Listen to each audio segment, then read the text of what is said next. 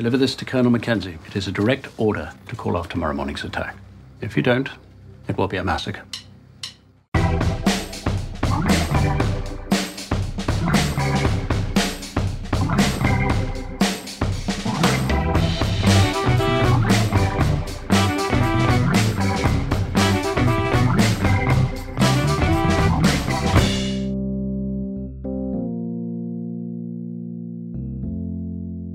Powracamy, kochani, po prawie miesięcznej przerwie. Lekko niespodziewanie.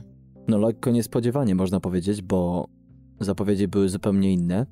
Miało być tak, że najpierw wyjdziemy z podsumowaniem roku, a dopiero potem będą jakieś inne ceregiele, ale okazuje się, że wchodzimy z grubej rury, z bonusem. No taki mini wcześniak, takie moja córka się urodziła dwa tygodnie przed terminem, to niby wcześniej, a jeszcze nie za wcześnie, żeby nazwać wcześniak.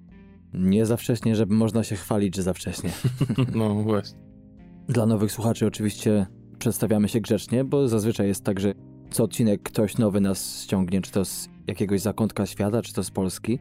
To widać po statystyce, że czasami boom, jest nagłe zassanie z kilku miejsc. Z tej strony z bruklińskiego Nowego Jorku mówi do was Darek. A z polskiej Hagi Patryk. Tak jest. Tak jak powiedzieliśmy, bonus dzisiaj a propos filmu, no jednego z głównych faworytów, jeśli chodzi o tę najważniejszą kategorię Oscarową w tym roku, czyli najlepszy film oraz reżyser. Tak się składa, że reżyser tego filmu jest również i producentem, więc jest szansa na podwójną statuetkę. No i dzisiejszy film niedawno otrzymał dwie statuetki Złotych Globów właśnie dla sama Mendesa, jak i za sam film. Tak jest. Film, który. No, tych nominacji ma 10. Jest to dość zawrotna ilość, ale jak już za chwilę będziemy mieli segment o Oscarach, to okaże się, że takich zawrotnych statystyk to nie było dawno dla kilku w jednym roku tytułów. Ale tak, tak jak powiedziałeś, dwa globy, film i reżyser i idą po więcej. Tak jest. W tym roku w ogóle a propos tych Oscarów, to chyba te statystyki a propos tego, ile filmów otrzymało, ile nominacji, wszystko to zgadza się raczej z naszymi odczuciami w studio, że 2019 to nie był jednak wyjątkowy rok a propos filmów. Można powiedzieć, był to bardziej rok serialowy, bo tych propozycji, co jeszcze wyjdzie w naszym podsumowaniu roku serialowym, pojawiło się naprawdę sporo na wysokim poziomie. No a jeśli chodzi o rok filmowy, to tak naprawdę, no ile? 4-5 filmów otrzymało, no po minimum 10 nominacji, a reszta daleko, daleko w tyle. No właśnie, o, o tym mówię, że pierwszy raz od czasu jak od 2010 roku przyznawane jest więcej niż 5 nominacji w kategorii najlepszy film. Właśnie 4 aż filmy, 4 obrazy zdobyły przynajmniej 10, Joker 11, Irishman 10 i pewnego razu w Hollywood obok właśnie 1917 właśnie mają 10 nominacji, także tak jeszcze nie było. I tu widać to, że tych filmów, ta dywersyfikacja nominacji nie jest tak duża jak w poprzednich latach, chociaż w zeszłym roku dwa filmy miały 10 Roma i faworyta, ale potem było już dużo mniej dla innych filmów. Mhm. 2018 to 13 dla kształtu wody, a potem długo, długo nic i tak można by wymieniać każdego roku właśnie do, do 2020, gdzie zupełnie się te statystyki zmieniły. Dokładnie. No w tym roku tak naprawdę 9 filmów zgarnęło, wyłączając z tego kategorię dla filmu zagranicznego, bo w tym roku już nie ma filmu nieanglojęzycznego, jest nagroda za film zagraniczny, kosmetyczna zmiana. No i wyłączając z tego właśnie także animację, to 9 filmów zgarnęło 72% wszystkich nominacji Oscarowych. Co ciekawe, jest to rok wielkich powrotów, można powiedzieć, jeśli chodzi o nominacje aktorskie, ponieważ aż kilku aktorów, przynajmniej czterech, jak nie pięciu, powraca po wielu, wielu latach, żeby nie rzec dekadach, z nominacjami Oscarowymi za ich rolę, żeby chociaż wymienić takich aktorów jak Al Pacino, dla którego jest to pierwsza nominacja po, uwaga, 27 latach bez. 22 lata minęły dla Antonego Hopkinsa. Tom Hanks powraca też. Ostatnio rozmawialiśmy, że nam się wydaje, że Tom Hanks jest nominowany za jakiś czas, co chwilę. Że to taka Meryl Streep w spodniach, a się okazuje, że nie. Ostatnio wydawało nam się, że ostatnim filmem to był Kapitan Phillips. Mhm. ale jednak nie. Okazało się, że Castaway poza światem z roku 2000 to był ostatni film, za który był nominowany. No oprócz tego także mamy wielkie powroty a propos pań, bo mamy Kathy Bates, Renée Zellweger, Charlize Theron. No przynajmniej 14 lat minęło od nominacji tych pań. A co ciekawe, mamy też Pedro Almodovara, który powraca, jeśli chodzi o nominację dla filmu zagranicznego po 20 latach. A jeszcze jak dodać do tego, że większość filmów, które zostały uznane za najciekawsze, czyli właśnie w tej pierwszej dziewiątce, to takie trochę jakby w mniejszym stopniu oparte o jakąś e, zawiłą historię, tylko taki sposób snucia trochę historię bardziej o kinie, czy o emocjach, czy o skupieniu się na, na jednej osobie, czy na jakimś wydarzeniu, jakim jest na przykład rozwód, czy właśnie załamaniu nerwowym jak u Jokera, czy Irlandczyk i pewnego razu w Hollywood takie właśnie epopeje filmowe, można powiedzieć, jak to powiedział Ricky Gervais o pewnego razu w Hollywood, że jest tak, to tak długi film, że kiedy na premierę Leonardo DiCaprio wybrał się z nową partnerką, to po seansie była już dla niego za stara. tak. Albo powiedział też o tym, że mieli właśnie zagrać zajawkę Irlandczyka, ale miała 50 kilka minut, więc odpuścili sobie. Fakt, w tym roku te filmy nominowane do głównej kategorii, zwłaszcza takie jak, może w mniejszym stopniu jest to Irlandczyk, ale przede wszystkim Joker, Marriage Story, 1917, czy pewnego razu w Hollywood. Było to kino, które może nie imponowało treścią, imponowało formą zwłaszcza. No i właśnie tak się stało, że wśród tych dziewięciu nominacji w tym roku mamy, moim zdaniem, prywatnym, personalnym, żeby nie powiedzieć subiektywnym, w porywach do pięciu filmów, które moim zdaniem powinny być tak naprawdę nominowane w tej kategorii. Gdybyśmy mogli powrócić do tej starej zasady, chociaż, przepraszam, nadal ta sama obowiązuje zasada, że minimum jest to pięć nominowanych filmów, tak? A maksymalnie? Minimum pięć, maksymalnie dziesięć, ale to stara nowa, no 2010, więc jest taka możliwość, że jakby każdy z akademików myślał tak jak ty, to pewnie by było pięć, a jest dziewięć. Tak mi się wydaje, wiesz, że gdyby to były stare zasady nominacji pięciu filmów, to w tym roku no ta kategoria wyglądałaby o wiele lepiej niż w przypadku dziewięciu, bo mamy tutaj tak Ford vs Ferrari, czyli Le Mans 66, niesamowity film, mamy epopeję Martina Scorsese, mamy film Jojo Rabbit, ciekawy, nie bezproblematyczny, mamy Jokera, mamy Małe Kobietki, historię małżeńską 1917, pewnego razu w Hollywood i zagraniczny Parasite. Wydaje mi się, że ta lista jednak troszeczkę wygląda na rozwleczoną i to sprawia, mm, że mam takie poczucie średniego roku. Co ciekawe, mimo naszych różnic w podejściu do kina i smaku, raczej zgodnie w tym roku sądzimy, że wszystko to jakoś wygląda trochę na siłę, jakby te filmy były nominowane, bo trzeba coś nominować. Nie odkrywają one wszystkie mm, zbyt wiele, jeśli chodzi o sztukę filmową. Z technicznego punktu widzenia tak, jest, można powiedzieć, kilka bardzo ciekawych pozycji, ale jakieś to jest takie łatwe w tym roku. Takie mam wrażenie. Właśnie tak szczerze mówiąc mówisz, że, że byłoby zaciekle. Myślę, że dalej będzie, bo jednak te filmy, które można powiedzieć w cudzysłowie powinny być nominowane są, a zawsze jest tak, że jakieś są tytuły, które zupełnie się nie liczą. Mhm. I tak pewnie w tym roku będzie pewnie z Le Mans, czyli Ford vs Ferrari. Jak tak patrzę na poprzednie lata, to przecież co, co było w zeszłym roku? Czarna Pantera, tak? 2018, Czwarta Władza. To tak można odcinać te e, filmy. Płoty 2017, który też raczej nie miał szans na statuetkę. Czy też Pokój w 2016, czy Brooklyn. Tak. Więc y, zawsze to jest tak, że te dwa minimum, jak nie trzy filmy, to są takie no trochę w ogonie takim mocnym i nikt się tak naprawdę z nimi y, nie liczy i tym bardziej, że żadnych takich szoków w postaci właśnie Oscara dla takiej produkcji nie było w tych ostatnich latach. Z tym się zgadzam, chociaż muszę powiedzieć, że a propos tych filmów, które wymieniłeś, to jednak na tej liście jest wiele, za którymi bym stanął murem i które zaczął bronić, a w tym roku, no, jednak mam nadzieję, że Ford vs Ferrari zajmie należne mu miejsce na tej liście, liście dziewięciu filmów, czyli na samym początku od końca. Ale gdybyś tak miał udzielić swojego prywatnego Oscara jednemu z tych dziewięciu filmów, to ja podejrzewam twoich faworytów, ale który byłby to film? Może inaczej. Jaki film Twoim zdaniem ma najbardziej realną szansę na zdobycie Oscara, a któremu Ty byś wręczył? Moim zdaniem największą szansę, żeby przeszkodzić w zdobyciu statuetki filmowi 1917 ma pewnego razu w Hollywood Irlandczyk. Wątpię, że Akademia pójdzie w e, jednoosobowego Jokera, a kobietki to nadal kobietki w Hollywood, także to się jeszcze nie zmieni chyba długo.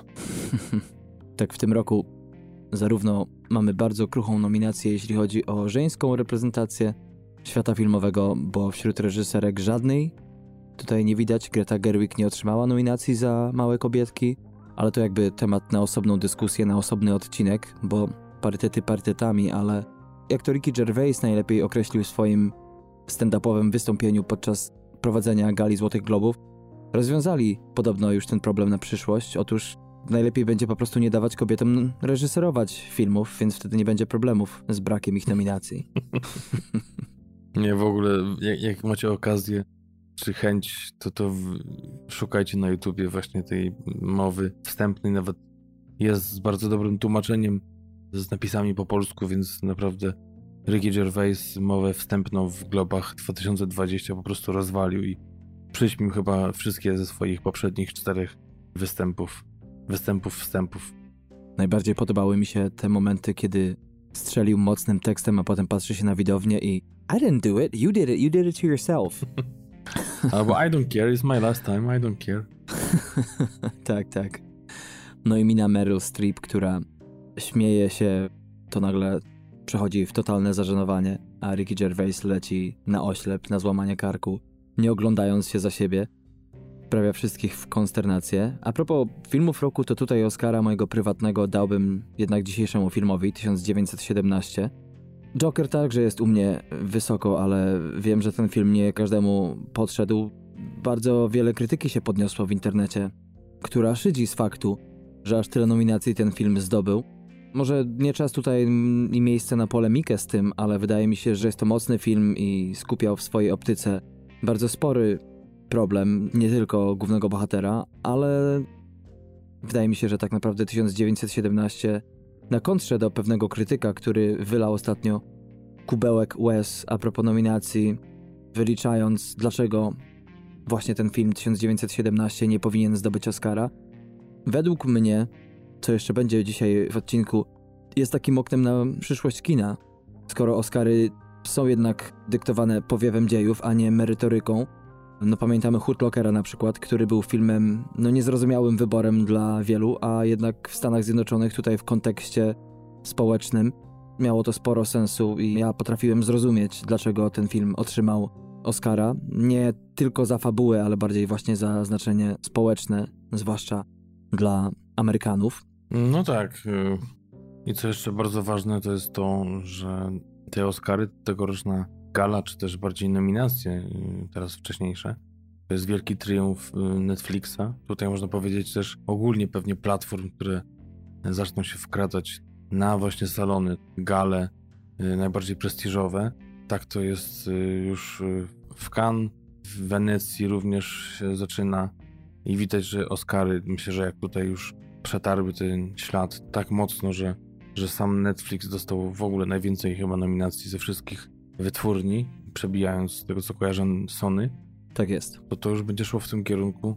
Chociaż dzisiejszy przykład, myślę, filmu, o którym będziemy mówić, czyli 1917 jest jednak przykładem tego, że będą i to na wysokim poziomie filmy, które jednak warto zobaczyć w kinie. To prawda. Ten procent dobrych dzieł w stosunku do dzieł jest coraz większy i Netflix, no fakt, wygrał o, włos między Sony i Disneyem, bo tak naprawdę to jest mariaż, połączenie sił tych dwóch firm, które depczą po piętach streamingowemu gigantowi. Natomiast jeśli chodzi o role aktorskie, to mamy tutaj, jak dla mnie, jeśli chodzi o panów, o role pierwszoplanowe, pojedynek tak naprawdę między Leonardo DiCaprio i jego może nie lepszą rolę w porównaniu do zjawy, natomiast tutaj mamy tak naprawdę rolę w roli. Jak ktoś widział ten film, to wie, że DiCaprio gra nie tylko aktora, ale gra aktora, który gra postać, więc to jak potrafi się zmieniać jak kameleon z postaci, którą gra jego aktor na aktora, którego gra DiCaprio. Wiem, że to trochę masło maślane jest, ale jak przez te warstwy przenika fabularne, no jest to niesamowite osiągnięcie. Wydaje mi się, że tutaj jest to mocna konkurencja dla Joaquina Phoenixa i ten drugi, który nie wiem, czy zagrał rolę życia w tym filmie, bo wcześniej zagrał oczywiście wiele złożonych postaci, ale chyba ten film Joker jest najgłośniejszym filmem, w jakim zagrał Joaquin Phoenix, więc e, no tak mi się wydaje, że między tą dwójką tu się rozegra ten pojedynek. Wiesz co, z tego co pamiętam z bonusa o Jokerze, to było tam chyba o tym, że, że w jednym wywiadzie zapytany, czy to jest jego rola życia, powiedział, że nie. Dlaczego? Więc sam do tego tak podchodziłem, ale wiadomo, jak jest Phoenix, to zupełnie mogło być specjalnie, wiesz, tak. ironicznie. I każdy wie, że tak właśnie Joaquin czasami traktuje swoich adwersarzy, bo tak można określić każdy jego wywiad, że zawsze jest na kontrze, nie lubi w ogóle zbytnio udzielać tych wywiadów, nie czuje się komfortowo. I tak to było w tym wypadku, a, a tak z tych innych nominacji to myślę, że ciekawie, że Antonio Banderas otrzymał, chociaż wcale nie uważam, że mu się należała, bo Bully Blask jest dla mnie lekkim rozczarowaniem ogólnie i, i już bardziej podobała mi się rola jego partnera w tym filmie. Mm. Już myślałem, że powiesz Adama Drivera w historii małżeńskiej. Nie, nie, nie. Jak ktoś słucha mojej właśnie opinii na temat Drivera, to wie, że to jest jakiś mój... Nawet nie wiem, do czego to porównać. To jest takie twoje nemezis, prawda? Bo wszyscy piją peany na temat tego aktora. Tak jest. On e, non-stop wprawia cię w rozdygotanie. No, mo może tak, że ja po prostu go nienawidzę. Nie mogę na niego patrzeć. Może nienawidzę to za duże słowo, ale nie mogę na niego patrzeć. Nie podoba mi się zupełnie jego gra i to w żadnym filmie tak naprawdę. A dlaczego, gdybym tak miał cię pogrillować trochę, może ja nie mam takich emocji na ostrzu noża a propos tego aktora, ale rozumiem dlaczego tak to możesz widzieć jego grę, ale jakbyś mógł rozwinąć tę swoją sympatię do tego aktora. No właśnie to jest to, o czym mówiliśmy, o czym ty mówiłeś ostatnio, że, że właśnie on wszędzie gra tą samą rolę. Mhm. Wszędzie takim mrokowatym, pajęczowatym, wielkim typem, e, który coś tam mruczy z taką nieruchomą twarzą, który no tutaj powiedzmy, no załóżmy, że, że ma momenty, ale dalej nie kupuje jego emocji zbytnio i po prostu w żadnym filmie tego nie potrafię przejść, chociaż widziałem z nim no już sporo. Mhm. Myślę, że z 5-6 filmów przynajmniej. I, I no po prostu mnie nie przekonuje. No widzisz, i to jest ten problem z aktorami, z odbiorem aktorstwa. Ciekawym eksperymentem byłoby to, gdybyś ty w ogóle nie widział żadnego filmu z driverem i nagle zobaczył właśnie jego kreację w historii małżeńskiej. Ciekawy, jakie miałbyś na ten temat zdanie. Ja pamiętam Adama Drivera z, z serialu Girls. To była pierwsza produkcja, w której zobaczyłem tego aktora i byłem tak uwiedziony, można powiedzieć, w pewien sposób przez jego grę. Wydawało mi się tak innym typem, takim odświeżeniem tego pejzażu aktorskiego amerykańskiego, że spijałem tak naprawdę każdy jego gest z tej roli, która zresztą była świetnie napisana pod niego. No ale okazało się, że potem ta postać z tego serialu zaczyna grać w innych filmach i tutaj już się rodzi problem, jak tu zdystansować się od aktora i czy można mu przyznać właśnie nagrodę Oscara za jego rolę, mimo iż nie różni się od innych, ale nadal jest bardzo poprawną. Mm, no, to zostawmy go, niech tam sobie pielęgnuje tę swoją karierę, a mm, jeszcze zwróćmy uwagę na Jonathana Price'a za rolę w filmie Dwóch Papieży. Mhm. Świetna rola i też super, że pierwsza nominacja w karierze. W końcu. Też już dość e, sędziwego pana, bo 72 lata, 3 leci już w tym roku i fajnie, że tak samo on, jak i za chwilę powiemy o Antonym Hopkinsie zostali doceniani właśnie za tę rolę takich dwóch nowych polskich Adamczyków. No tak, a propos ról kobiecych natomiast, to tutaj mam wielki ból z tego względu, że widziałem kilka klipów ostatnio z filmu Harriet z Cynthią Erivo w roli głównej o słynnej afroamerykańskiej abolicjonistce i rzeczywiście ta aktorka gra tak fenomenalnie moim zdaniem tę rolę i tyle pochlebnych opinii można przeczytać a propos jej kreacji. Obawiam się, że ten wątek zostanie kompletnie przeoczony przy rozdaniu Oscarów, dlatego że temat tego filmu jest zbyt amerykański, wydaje mi się, jeśli chodzi o problematykę. Główny temat, żeby ktoś go chciał na świecie dostrzec, żeby to z kolei wpłynęło na decyzję kapituły, bo nie ukrywajmy, że popularność gra jednak rolę. nie tylko merytoryka.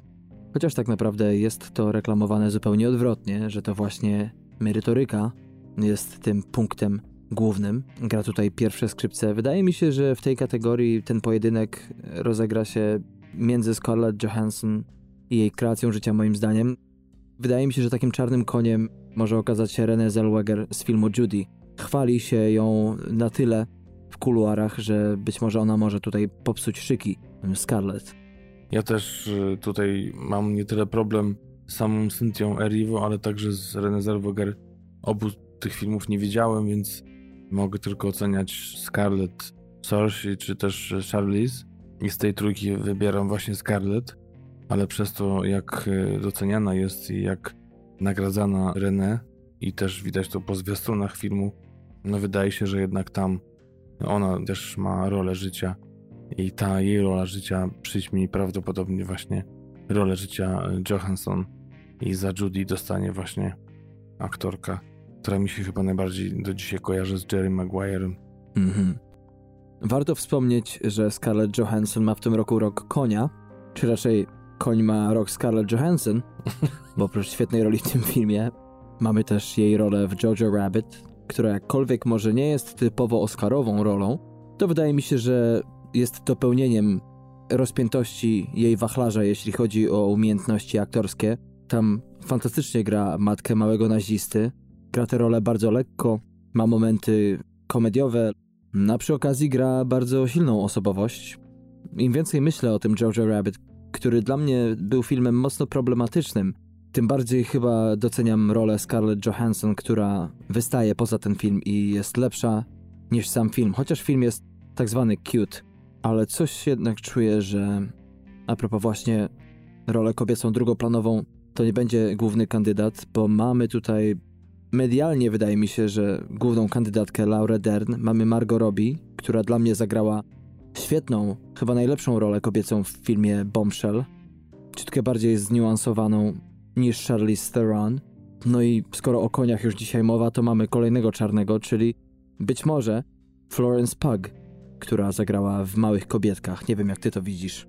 Ja uważam, że jednak wszystkie te role kasuje Laura Dern jednym cytatem, tych cytatów, w których można geniusz jej i też scenopisarski Bambacha odkryć jest wiele w tym filmie.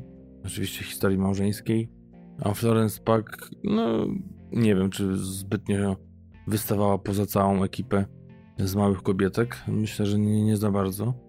A Margot robi Bombshell, czyli po polsku gorący temat. Też popieram tą twoją opinię. Świetna rola. Też mi się wydaje, że chyba najlepsza ze wszystkich tych kobiecych.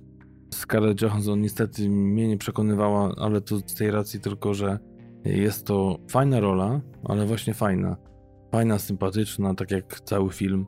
Chociaż film się w pewnym momencie rozłazi, ale można powiedzieć, że już wtedy Scarlett z slangu piłkarskiego już, już siedzi na ławce. no może, nie wiem. Wiesz co, wydaje mi się, że ona jest taką tajną bronią na tej ławce rezerwowych, ale wracając do Laury Dern, no właśnie ten dylemat mój z jej rolą jest związany z tym, że dla mnie ona oczywiście gra tak poprawnie, jak ona zawsze gra, i wydaje mi się, że tutaj kwestia polega na tym, że teksty, które ma, są po prostu najlepsze z całej obsady. Jej napisano najlepsze cięte riposty, najbardziej inteligentne teksty i rzeczywiście tych mic dropów i tych ciętych ripost ma całkiem sporo w swojej roli, a przynajmniej są one najbardziej zauważalne i wydaje mi się, że gdyby miała inne słowa, to jednak ta rola sama nie wystaje przy całym szacunku dla jej kunsztu, to jeżeli otrzyma Oscara, to właśnie te teksty, ten scenariusz dla niej napisany, te dialogi, one wyniosą jej rolę na piedestał, a nie samo aktorstwo jako takie. No wiesz, pytanie co to znaczy, co ona potrafi zagrać, bo no, Oscara jeszcze nie ma, więc nie ma co porównywać, wiesz, bo tak trochę mówisz o niej jako Meryl Streep, która ma tam 27 nominacji i 3 Oscary, ona czeka na tego swojego pierwszego i, i dopiero, wiesz, myślę, jak już ją ukonstytuować jako gwiazdę, czyli jak jej wręczą tego Oscara, to potem już można za rok mówić, a to, to samo, co te inne role, gdzie dostała Oscara na przykład, czy które podobne były, ale na razie trzeba jej ten Oscar wręczyć i wtedy, żeby można tak mówić, moim zdaniem. A swoją drogą tak pomyślałem teraz, że z racji tego, że no, Katie Bates nie widziałem, nie widziałem filmu Richard Jewell, ale właśnie no, to by się bardzo podobała Scarlett, a ja bym na przykład ją wymienił kolejny raz na Laura Dern, która mi się podobała właśnie w Małych Kobietkach jako matka właśnie Małych Kobietek. I tu było ciekawe, właśnie dwie zupełnie inne role, tak jak właśnie Scarlett w Jojo Rabbit i y, właśnie w historii małżeńskiej. Tak samo Laura Dern właśnie zagrała zupełnie na kontrze do tego, do czego nas przyzwyczaiła, między innymi właśnie taką kreacją jak y, w historii małżeńskiej. Mm. No właśnie, to jest ciekawy pomysł, żeby nominować w tej samej kategorii jedną aktorkę w dwóch różnych rolach, bo dlaczego nie, prawda? Nie ma żadnego przepisu, który broniłby czegoś takiego. No tutaj wydaje mi się, że nie nominowałbym Kathy Bates, bo ona w swojej karierze zagrała wiele świetnych ról. No i a propos Richarda Jewella, to już się wypowiedziałem a propos tego filmu w ostatnim, w jednym z ostatnich odcinków.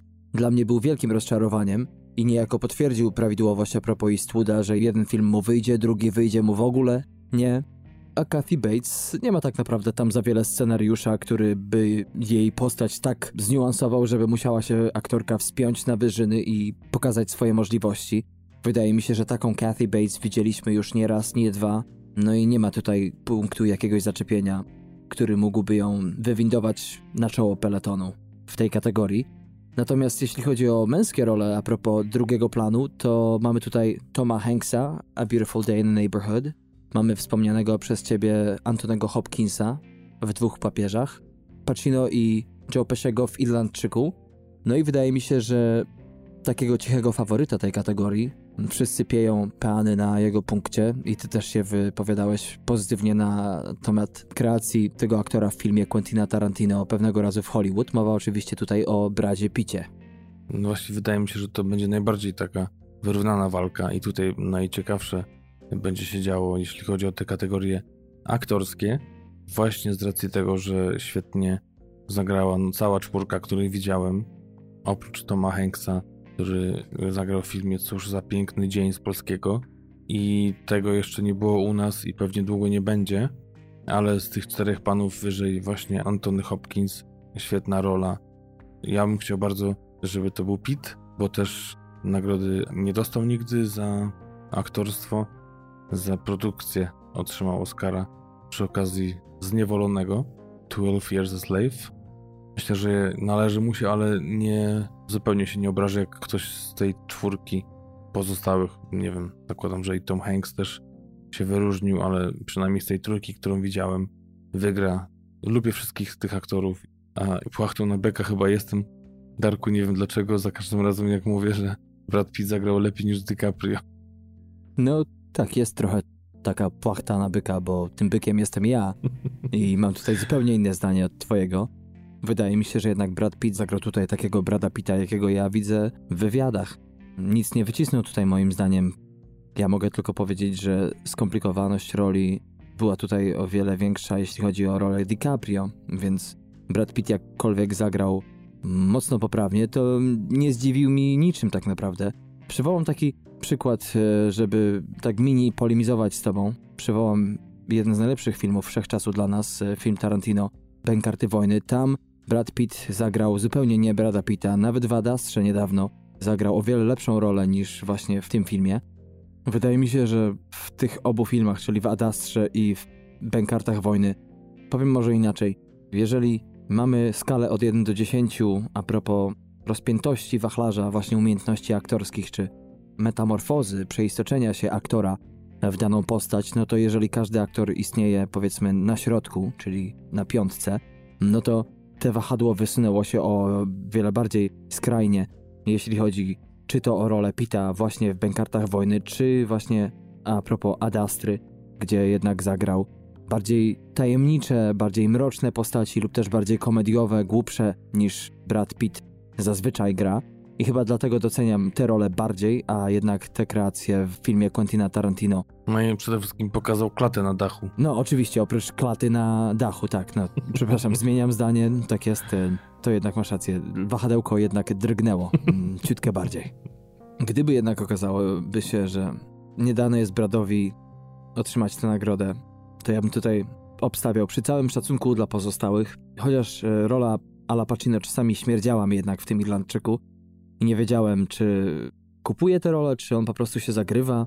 Chociaż były momenty też świetne, ale tutaj nagrodę Oscara ja prywatnie dałbym komuś z duetu Joe Pesci i Anthony Hopkins. Joe Pesci zachwycił mnie w tym filmie. Momentami grał faceta tak miłego, tak starego, tak zużytego, a z drugiej strony do końca filmu nie było wiadomo, czy on w końcu pociągnie za jakiś spust, czy będzie do końca chronił swoich ludzi. No może na końcu to już lekko wyhamowało, ale mimo wszystko fajnie jest zobaczyć tego aktora po tylu latach przerwy w tak dużej roli na dużym ekranie. Jak to powiedział o nim yy, na rozdaniu Złotych Globów, no wracam do Rickiego Gervaisa. O, siedzi tu Baby Yoda, o, przepraszam, to Joe Pesci. No tak, tak, tak. Wydaje mi się, że a propos Irlandczyka, to o którym zrobiłeś odcinek bonusowy i też trochę już podyskutowaliśmy przy innej okazji, to jednak muszę stwierdzić, że to CGI, które w przypadku Roberta De Niro okazało się mało fortunne, tak w przypadku Joe Pesciego było idealne. Zróżnicowało lekko jego postać i dodało mu zarówno właśnie takiego wysuszonego amplua na końcu filmu, jak i wcześniej, no jednak bardziej żwawszego bossa, dona mafii włoskiej. No, także to, to tyle jeśli chodzi o aktorskie. Nie będziemy przedłużać bardzo zbytnio, tylko jeszcze przejdziemy się po reżyserach. Chociaż właśnie tutaj jest trochę nudno a propos tego roku, bo praktycznie w każdej kategorii spotykamy te same, może nie tyle nazwiska, co filmy i, i trochę tak się potem już czyta to dziwnie, jak co chwilę się powtarza przynajmniej trzy, jak nie cztery te same tytuły. Przy reżyserach myślę, że zatrzymajmy się i zahaczmy w końcu o ten Parasite, bo tak się zbieraliśmy, żeby coś o tym powiedzieć i tak widzę, że na razie unikamy. Komu bym dał? Bong Joon-ho, czyli Parasite, Martin Scorsese, czyli Irlandczyk, Sam Mendes 1917, Quentin Tarantino oczywiście pewnego razu w Hollywood i Todd Phillips za Jokera. Mówi się, że chyba najbardziej niezasłużoną nominację ma Todd Phillips, którego pewnie kojarzycie z takich filmów jak Cas Vegas i tu nagle taka zmiana. Nie wiadomo, czy to kreacja Phoenixa, czy to Phillips sobie zasłużył na tą nominację. A jakbym miał wybierać, to myślę, że Mendes. Mendes, tak jak w Globach, taki tu powinien dostać tą nagrodę i myślę, że ten odcinek dzisiejszy bonusowy o tym filmie Was do tego przekona. A propos tej kategorii, to jest pewien problem, bo mamy tutaj film, który jest bardzo technicznym filmem, o którym jeszcze powiemy dzisiaj oczywiście. I Mendes rzeczywiście musiał zespolić tutaj bardzo wiele elementów. Niektórzy mówią, że nie wszystko od niego zależało, że tak naprawdę wizja oczywiście była jego i zawsze frontman otrzymuje najwięcej aplauzu, natomiast jeśli chodzi o jego konkurencję, to tak, Tarantino zrobił film wyjątkowy, ale wydaje mi się, że jeżeli nagrody tutaj nie otrzyma Mendes, to bym tutaj przyznał ją jednak Phillipsowi, bo potrafił świetnie poprowadzić postać Phoenixa. Poza tym jest to ogromny skok jakościowy, można powiedzieć, a propos tego reżysera, bo z filmów, które robił do tej pory, wchodzi na zupełnie poważniejsze tony i przeszedł z lżejszej kategorii do naprawdę wagi ciężkiej. No i można powiedzieć z dość niewdzięcznym tematem, bo weź pójdź tu człowieku i wyreżyseruj Jokera, tak? Czyli film o jednej z najbardziej kultowych postaci z uniwersum DC, prawda? O. No i Phillips moim zdaniem tutaj zmaga się w przypadku tego filmu z krytyką, która wydaje mi się, że lekko przegina jednak w nie tą stronę. No tak. Też mi się wydaje, że jemu się należy ta nominacja. Chociaż tak jak mówiłem, no są podejrzenia, że może to jednak y, wszystko zasługa Łakina, ale wydaje mi się też, że nawet słuchając go, słychać w tym jego tonie wypowiedzi i w tych wywodach, że, że no jednak miał pomysł, miał jakąś wizję i to wcale nie jest tak, że, że powtarza po Finiksie jakieś wytarte zdania, tylko faktycznie fajnie się go słucha i widać, że, że chłop miał pomysł i chciał odejść od tych właśnie, tak jak mówisz, lekkich tematów komediowych. Chociaż tam zawsze było, wiesz, coś takiego niepokojącego w tych komediach. Ja ich nie, akurat nie bardzo trawiłem, ale mhm. to też wyszło przy okazji jakiegoś podcastu, który słuchałem, że właśnie zawsze taką niepokojącą stronę ludzką potrafił gdzieś tam w tych komediach ukazać, a tutaj już stricte się zajął człowiekiem, który ma duże problemy, ogromne ze sobą i niektóre sceny też nie do końca opierają się tylko na aktorstwie. Są genialne, jak na przykład scena z lodówką. Ja też wysoko oceniłem ten film i tak samo jego reżyserię. Chociaż tak jak mówię, jednak sam Mendes myślę po 21 latach po tym jak w debiucie za American Beauty dostał Oscara, tak myślę, że i teraz to samo mu się przytrafi. Ja a propos tych filmów, których reżyserowie są nominowani, z największą deprechą wyszedłem właśnie z Jokera. Musiałem trochę przejść przez miasto, zanim mogłem pakować się w pociąg do domu. Musiałem się trochę uspokoić, a 1917 to właśnie. No właśnie, za chwilę przejdziemy sobie do tego filmu i opowiemy, dlaczego ten film jest wart zauważenia i ma sporo szans na to, żeby zgarnąć kilka nagród. Dlaczego ten film jest ciekawy, wyjątkowy. Jest też kilka przeciw, które mamy, tak mi się wydaje, które pewnie wyjdą w dyskusji, ale zanim się tym zajmiemy, no to porozmawiamy jeszcze chwilę z Patrykiem o rzeczy dość niezrozumiałej dla obu nas. Jest jeden film, który o dziwo ma ich sporo, na punkcie którego wszyscy dookoła pieją peany, a jednak nam obu nie podszedł i co ciekawe, często jest tak, że z Patrykiem jednak różnimy się sporo a propos nasze podejście do filmów, bo oczywiście w pełnych odcinkach nie ma kompletnie po tym śladu, bo są to filmy, które nam obu zrobiły, no ale rozmawiając tak między sobą, jest często tak, że jednak różnimy się, że wiele filmów, które mi podchodzą Patrykowi, nie i na odwrót. No i dzisiaj się troszeczkę pospieraliśmy już, można powiedzieć, i o Pita, i Laura Dern. Natomiast może przejdźmy tutaj do meritum. Kiedy Patryk obejrzał film Parasite, to zszokowało mnie to trochę, że aż tak mało zrobił ci ten film, bo zanim usłyszałem twoją opinię, to wszyscy dookoła, których znałem, a którzy widzieli ten film, byli pełni zachwytu nad tym filmem, jaki to on nie jest świetny, jakie nie ma twisty i tak dalej. I to był taki dla mnie największy szok, tym bardziej, że słyszy się zewsząd, że to jest taka tegoroczna Roma.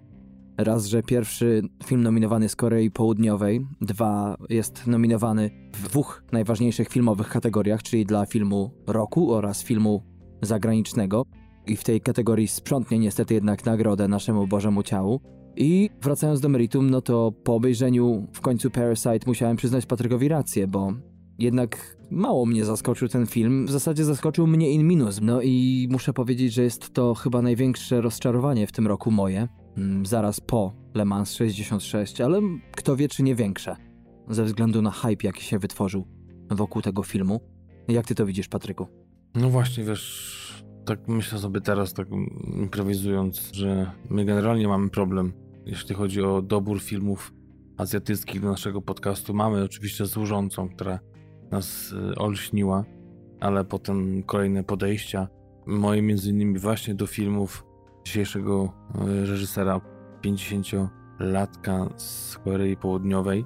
Przede wszystkim no, najnowszy film chyba, który jest znany z racji tego, że była to produkcja Netflixa, czyli Ogja, mhm. ale też i film, za który chyba najbardziej był wychwalany, czyli The Host Potwór z 2006 roku, horror, który też wzięliśmy na tapet, czy bardziej ja wziąłem, żeby ewentualnie dopasować go do naszego podcastu, ale no strasznie mi się nie podobał i Ogdzia to też zupełnie nie moja bajka i tak samo Parasite zupełnie nie rozumiem tego zachwytu nad tym filmem. Tak jak powiedziałeś, Darku, bo tu świetnie ująłeś przed nagraniem, że, że są składowe świetne. Myślę, że na pewno właśnie production design, scenografia jest świetna. Są poszczególne sceny, też to aktorstwo nie jest złe. Jak na mój gust, taki właśnie antyazjatycki, to naprawdę sobie nieźle radzą. Nic wybitnego, ale naprawdę nieźle. To sama historia moim zdaniem się nie broni. Naiwność bohaterów i poszczególne segmenty, tak jak Darek mówił, połączone jakoś tak dziwnie ze sobą Moim zdaniem cały ten hype polegał na tym, żeby zobaczyć kilka kontrowersji, których nie widzi się na co dzień w filmie azjatyckim, plus jakiś zwrot nietypowy zupełnie akcji i to chyba o to chodzi. Krytycy na całym świecie uważają nawet niektórzy za jeden z najlepszych filmów dekady właśnie Parasite. Problemem największym z tym filmem było to, że duża część bohaterów w tym filmie byli ludźmi nader naiwnymi, można powiedzieć, jednowymiarowymi w większości. No i Parasite ma też zwroty akcji, które dla mnie przynajmniej prosiły się o jeszcze większe zgłębienie tematu. o więcej. Mamy tutaj na przykład ludzi, którym życie się nie powiodło, którzy zostali zredukowani do takiego karalucha i muszą żerować w ukryciu. Kiedy światło gaśnie, to wtedy oni mogą wyjść na powierzchnię. I dla mnie to był mocno ciekawy temat, ale troszeczkę potraktowany po macoszemu. Nic nie zostało tam zgłębione.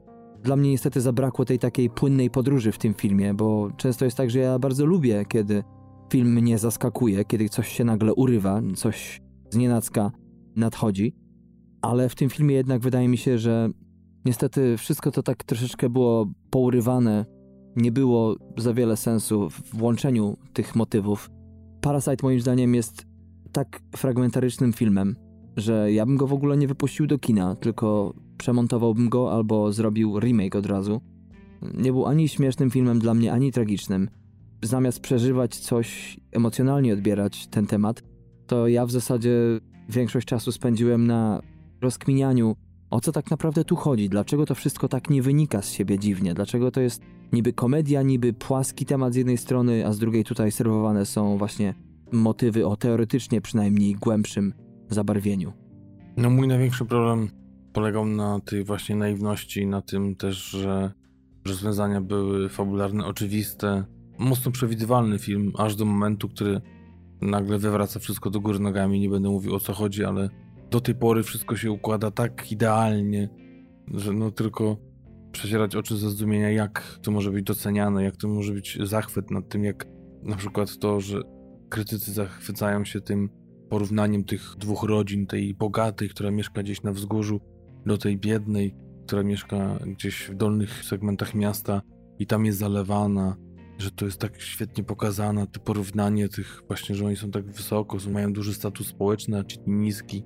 Co w tym genialnego, nie wiem. I też, no tak jak mówisz, są takie smaczki.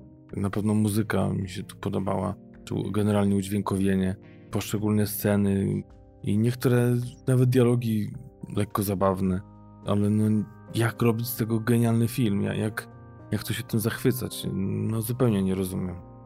Lekki roast, ale od kilku miesięcy chyba w nas to siedzi, żeby cokolwiek powiedzieć o tym filmie, bo nie mieliśmy żadnego bonusa.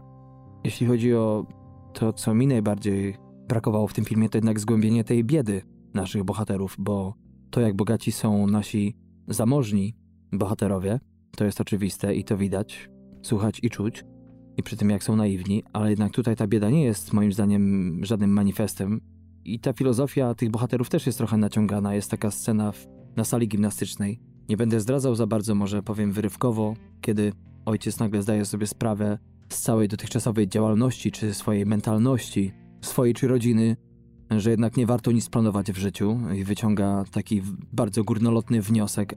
Być może tutaj jest coś, czego nie rozumiem, Natomiast nie uderzyło mnie to jednak. Nie wiem, być może ja może potrzebuję jakiegoś bardziej poważniejszego podejścia do tematu. Natomiast ta łatwość, z jaką ta rodzina, nasza głównych bohaterów, opanowała w cudzysłowie dom zamożnego małżeństwa, nie spowodowało żadnego mocniejszego uderzenia w brzuch. Ta łatwość w tym filmie, przez połowę tak naprawdę filmu, która bije z niego, powoduje, że zdystansowałem się troszeczkę od tego filmu. I chyba przez to nie uderzyło mnie tak naprawdę to, kiedy akurat rzeczy zaczynają iść troszeczkę pod prąd i nie wszystko zaczyna się głównym bohaterom udawać i zaczynają popadać w tarapaty. Do tej pory kompletnie nie miałem współczucia dla nich, czy nie byłem nawet ich fanem, z tego względu, że dramaturgicznie po prostu zostało to dla mnie zbyt płasko rozegrane. No i jeżeli jest jakiś film, który zadaje mi pytanie, czy rzeczywiście powinienem się brać za filmy i oceniać cokolwiek, to chyba Parasite jest tym filmem. Albo to są moje przyzwyczajenia, które dyktują właśnie po cichu mój odbiór kina, albo po prostu rzeczywiście coś nie jest na rzeczy i, i nie wiem.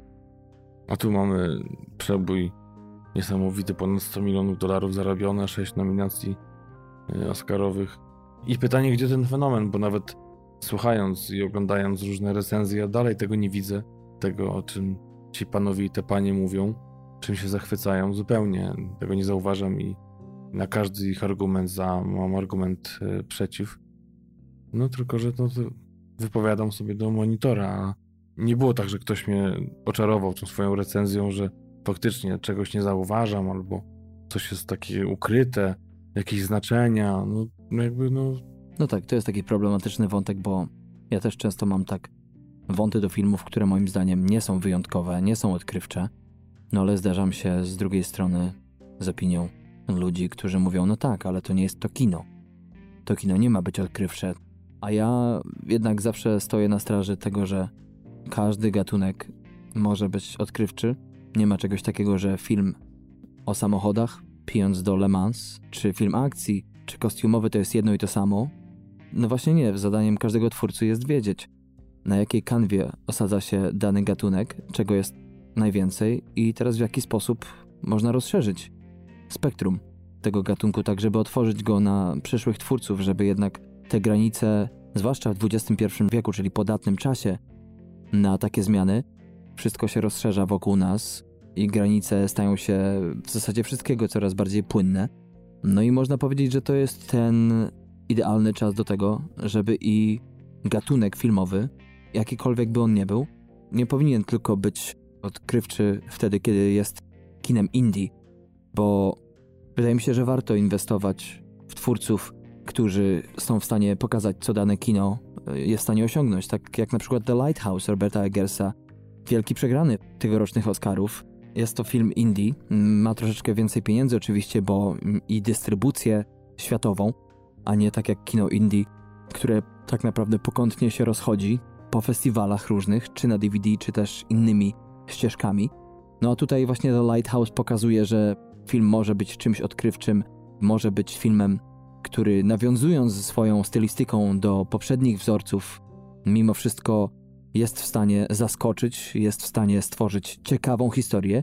Pokazanie się takiego dzieła, z jednej strony odświeżającego ten pejzaż filmowy, no a z drugiej strony będącego nadal filmem indie, to pokazuje po prostu, że być może XXI wiek zawitał chyba wszędzie, ale jeszcze nie do końca do kina, przynajmniej jeśli chodzi o kino mainstreamowe, to jesteśmy daleko od tego, żeby nie bać się podejmować pewnych tematów w niekonwencjonalny sposób. No mnie wiesz, nie zachwycił aż tak Lighthouse jak ciebie, aczkolwiek na pewno przebija moim zdaniem i w jakimś odkrywczości i w sposobie ukazania historii, ciekawości właśnie podania, oryginalności. Na pewno Parasite jest przebity kilka razy przez Lighthouse i tylko chyba, tak mi się wydaje, że jedna, jedna nominacja za zdjęcia. Film czarno-biały ostatnio, bardzo często te filmy są nominowane, czasami wygrywają, ale trochę szkoda. No, na pewno należałoby mu się miejsce do takiego Parasite w tej głównej kategorii właśnie dla Lighthouse. Mhm. Oczywiście nie mówię, że każdy film powinien być filmem indie, który wchodzi na szersze salony i lekko się rozluźnia, żeby większe masy dany temat kupiły, ale z drugiej strony często jest tak, że każdy oglądał inne filmy i inną ilość danego kina, więc często bywa tak, że są ludzie, którzy widzieli bardzo wiele kina, no mają po prostu zupełnie inne podejście do ludzi, którzy nie obejrzeli wszystkiego i często ilość oglądanych filmów bywa przekleństwem, bo jeszcze kilka lat temu kompletnie nie brałbym na serio pod uwagę prowadzenie podcastu, czy w ogóle recenzowanie e, filmów w podcaście. Natomiast od już kilku lat, kiedy to aktywnie robimy i przekupujemy te filmy i oglądamy namiętnie rzeczy, to jednak zauważam taki problem, że coraz częściej trudniej jest mi czasami docenić e, coś, jakieś dane dzieło, ze względu właśnie na to, że ja już to gdzieś widziałem i to widziałem to nie raz, nie dwa. Są niektóre motywy, które się powtarzają w filmach, które gdzieś tam wylądowały już w mojej biblioteczce i ciężko mi jest e, podejść do takiego dzieła właśnie w otwarty sposób, bo jednak jest tak, że dzieła nie oceniamy nigdy, nie porównując do niczego, zawsze jakiś ten punkt odniesienia musi być. No właśnie wydaje się, że czasami takim kryterium uznania filmu za coś świetnego jest to, że gdzieś tam, wiesz, dorasta do jakiegoś poziomu, tak? Że, że wybija się właśnie jak tam wspomniana rodzina z tych nizin filmowych, czyli gdzieś tam z takiej mało filmowo nagradzanej Korei Południowej nagle tu na salony wchodzi z czymś, co właśnie zbliża się poziomem do tych produkcji, które mamy dostęp na wysokim poziomie na co dzień i zaraz trzeba ją nagradzać, tak, że dobiła, że, że pokazać, że tam też można. Można, ale to jakby Kiedyś było łatwiej, bo chłonęło się filmy i nie patrzyło się na nie konstruktywnie, a teraz patrzę na przykład na swoją historię ocenianych filmów no to czasami nie mogę uwierzyć, że temu a temu filmowi dałem dziewiątkę czy ósemkę nawet, bo okazało się w przypadku kilku, także niedawno je oglądając, moja ocena zupełnie nie przekraczała siódemki, czy nawet ciężko było jej wyjść poza szóstkę, a patrzę, że 5-6 lat temu to była ósemka, więc y, nie wiem. Wydaje mi się, że to ocenianie też jest płynne. Amen. To macie. Amen plac. Dobrze, czasowo wydaje mi się, że jest to idealny temat, żeby przejść do głównego wątku dzisiejszego bonusa. Bonusa mocno wyjątkowego, o tym jeszcze nie wspomnieliśmy. A dlaczego Patryku wyjątkowego? Bo pierwszy raz nagrywany wspólnie. Jak to bonus lekko niezapowiedziany. Trochę z przypadku nagrywamy go razem. Mieliśmy nagrywać pełny odcinek o arcydziele pewnej pary reżyserskiej, ich debiucie. No ale trochę mi się pomyliło z tytułami. Prosty błąd, że tak powiem, zdradzając lekko, spoilując ten tytuł filmu, o którym będziemy faktycznie mówić już w najbliższym odcinku. Zresztą za niedługo go nagrywamy, prawdopodobnie za dwa dni. I no nie wiem, czy są jakieś inne jeszcze powody, dla których to jest wyjątkowy bonus? No chyba dlatego właśnie. Bonusy do tej pory były solówkami i były to raczej nasze takie osobiste odczucia, indywidualne. Jak w moim przypadku było z Jokerem, a w twoim przypadku właśnie z pewnego razu w Hollywood i mając często na uwadze stosunek danej osoby, czy uczucia jednego z nas dotyczące danego dzieła, to często było tak, że dzieliliśmy się bezproblemowo tym, natomiast teraz okazało się, że jest okazja, żeby tak jak w pełnych, tak tutaj opowiedzieć razem o dziele, którego nie sposób było opuścić w tym roku. No i też nasi nowi słuchacze może o tym nie wiedzą, więc przypomnimy, a naszym stałym słuchaczom przypomnimy tym bardziej, że a propos pełnych odcinków, to nasze metody researchu zupełnie różnią się od siebie, bo tak naprawdę drążymy tematy w zupełnie różny sposób, nie dzieląc się notatkami, więc nagrywając odcinek to nie jest tak, że mamy gotowy scenariusz i wiemy, co druga osoba powie. Często jest tak, że są oczywiście motywy wspólne, są motywy przewodnie w danej opowieści, natomiast wszystko inne różni się tak naprawdę od siebie i to zawsze powoduje, że ta dyskusja, przynajmniej z mojego punktu widzenia, staje się ciekawsza, bo wtedy jest się od czego odbić, od czegoś, czego samemu się nie przekopało. Ja nawet mogę powiedzieć ze swojej strony, że u mnie to nawet wytworzyła się pewnego rodzaju taka kreatywna bezczynność, bo wiem, żeby nie grzebać na YouTubie czy w różnych rejonach e, a propos danego filmu, bo już wiem, że ty to przekopałeś, więc nie chcę w tym momencie, żebyśmy się powtórzyli, czy mieli te same wnioski i nie ma chyba nic lepszego jak bycie zaskoczonym. No i jeśli chodzi o film 1917, czyli największe można powiedzieć dzieło brytyjskiego reżysera sama Mendesa, jest podobnie. Jest to wielka okazja dla nas, żeby zmierzyć się w bonusie z dziełem, które no, nie schodzi z pierwszych stron gazet z tego czy innego powodu. No tak, tym bardziej, że on raczej oprócz tego, że ostatnio wikłał się w Jamesa Bonda, czyli właśnie dwa tytuły Skyfall i Spectre, to jednak poza tym miał raczej takie filmy jak właśnie jego debiut American Beauty czy Droga do Szczęścia. To takie dramaty społeczne, takie obyczajowe. Chociaż przecież to nie jego pierwszy film wojenny, bo jeszcze był Jarhead, żołnierz piechoty morskiej, też świetna produkcja, bardzo niedoceniona przez krytykę, więc no zupełnie co innego. Można powiedzieć, że James Bond to taki akcyjniak na wysokim poziomie adrenaliny, że taka droga do zatracenia, czy American Beauty, genialne przykłady kina społecznego. Tu mamy Jarhead, Droga do zatracenia, też mocno klimatyczny film.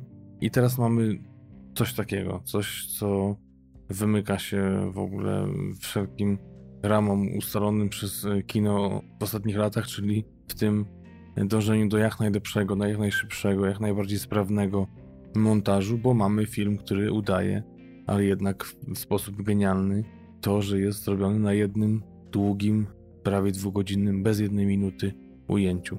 Tak, można powiedzieć, że Mendes przejmuje tutaj pałeczkę po filmie Birdman Alejandro Gonzalesa Inarritu z 2014 roku, który też niby miał być kręcony na jednym ujęciu, chociaż oczywiście nie było to jedno ujęcie. Tak jak w przypadku dzisiejszego filmu, jak Patryku powiedziałeś, tutaj jest jedna taka, można powiedzieć, niezgodność a propos tego, co mówi reżyser. Reżyser mówi, że główni bohaterowie tego filmu na wykonanie postawionego przed nimi zadania mają 8 godzin, no ale akcja filmu niekoniecznie co do minuty zgadza się z tym, co twierdzi reżyser, ale wydaje mi się, że właśnie jeśli chodzi o porównanie do Birdmana, to mamy tutaj film, który ma oczywiście podobny zamysł techniczny, ale jeśli chodzi o skomplikowaność całej choreografii, o rozmach, jeśli chodzi nawet o i kamerę, która tutaj tak naprawdę przeżywa no nie tyle katusze, co jest zmuszona do naprawdę ekwilibrystycznych wybryków. Jednak w Birdmanie była o wiele bardziej udramatyzowana, była bardziej statyczna, a tutaj jednak Mendes stwierdził, ok, w Birdmanie zrobili to, no to 1917 to będzie to samo, ale na sterydach. Dokładnie. Korytarze teatralne zamienili na okopy wojenne, których no, według różnych źródeł to jest różnie, ale od jednej mili do, do półtora, czyli tak dobry ponad kilometr, które wykopano właśnie specjalnie na poczet filmu i zaadaptowano. Tutaj mówimy oczywiście o production design, całej scenografii. I też rekwizytach. Tak, ponoć w najdrobniejszych detalach do tego, jak to faktycznie wyglądało w tym 1917 roku. Tak jest. Mowa tutaj oczywiście o filmie, który opowiada o froncie zachodnim I wojny światowej. Mamy tutaj dwóch brytyjskich żołnierzy, którzy zostają wysłani z rozkazem dowództwa skierowanym do odizolowanego oddziału brytyjskiego przed dzień jego ataku na cofające się wojska niemieckie. No i de facto jest to pułapka zastawiona przez Niemców, która może drogo kosztować armię brytyjską. Czas odgrywa tutaj ogromną rolę, tym bardziej, że we wspomnianym oddziale znajduje się brat jednego z żołnierzy, wspomnianych właśnie, którzy zostają wysłani z rozkazem.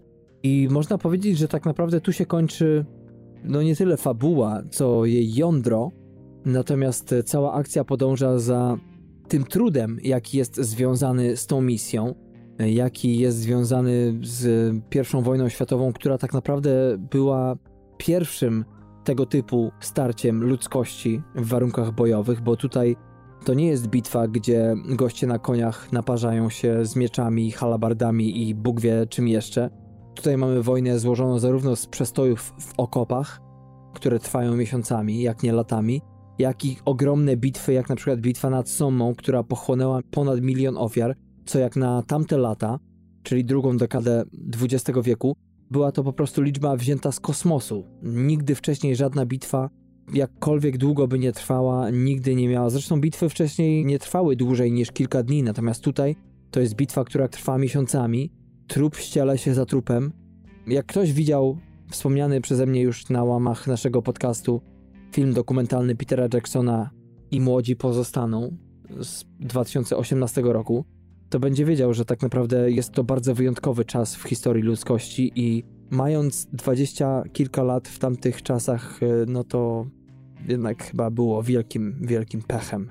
Nie wyzwaniem, bo raz, że zostałeś wcielony do wojska, a dwa, wszystko się wokół waliło. I tak mamy tutaj naszych dwóch młodych żołnierzy, która to historia jest oparta na prawdziwych wydarzeniach, chociaż jednak i postaci, i sama, sama historia jest zmyślona, ale jednak oparte to jest wszystko na tym, co działo się w życiu dziadka reżysera, czyli Alfreda Mendeza, który pochodził z Trinidadu i w wieku 17 lat został wcielony do armii brytyjskiej i był takim łącznikiem, sygnalistą, który właśnie zasłużył się tym, iż transportował pocztę między okopami, między kolejnymi, można powiedzieć, wojennymi oddziałami poczty i takie niesamowite przygody mu się przytrafiały, o których zresztą wcale nie mówił swoim dzieciom. Długo milczał przez wiele, wiele lat, aż dopiero swoim kilkunastoletnim wnukom opowiedział to i wyszło na jaw, jakim bohaterskim żołnierzem był i co działo się właśnie przede wszystkim w czasie I wojny światowej i właśnie na podstawie tego pierwszy swój w karierze film do którego napisał scenariusz, stworzył po ponad 20 latach kariery Sam Mendes. Tak jest. Jak powiedziałeś, drugi po Jarheadzie film wojenny. Ten film jest dedykowany jego dziadkowi i ciekawym elementem w nim jest to, że ukazuje dość fragmentarycznie, no chyba słowo sponsorujące dzisiejszy odcinek naszego podcastu, to jak wiele nacji tak naprawdę wzięło udział w I wojnie światowej bo to nie tylko byli biali Europejczycy, którzy się tłukli niemiłosiernie, ale były też i korpusy, no zwłaszcza w przypadku brytyjskiego, złożone nie tylko z żołnierzy z Wielkiej Brytanii, ale Indii, tak jak powiedziałeś, Trinidadu, czyli wszystkich tych różnych przyległości, ale była też Australia, Nowa Zelandia i ci ludzie przelewali krew, będąc tysiące kilometrów od domu za jakieś tam śmieszne kraje w Europie, które musiały się lać, bo nic lepszego nie było do roboty, nie było kina, które mogłoby zająć tych ludzi bardziej, tylko musieli po prostu troszeczkę zostawić potów w polu.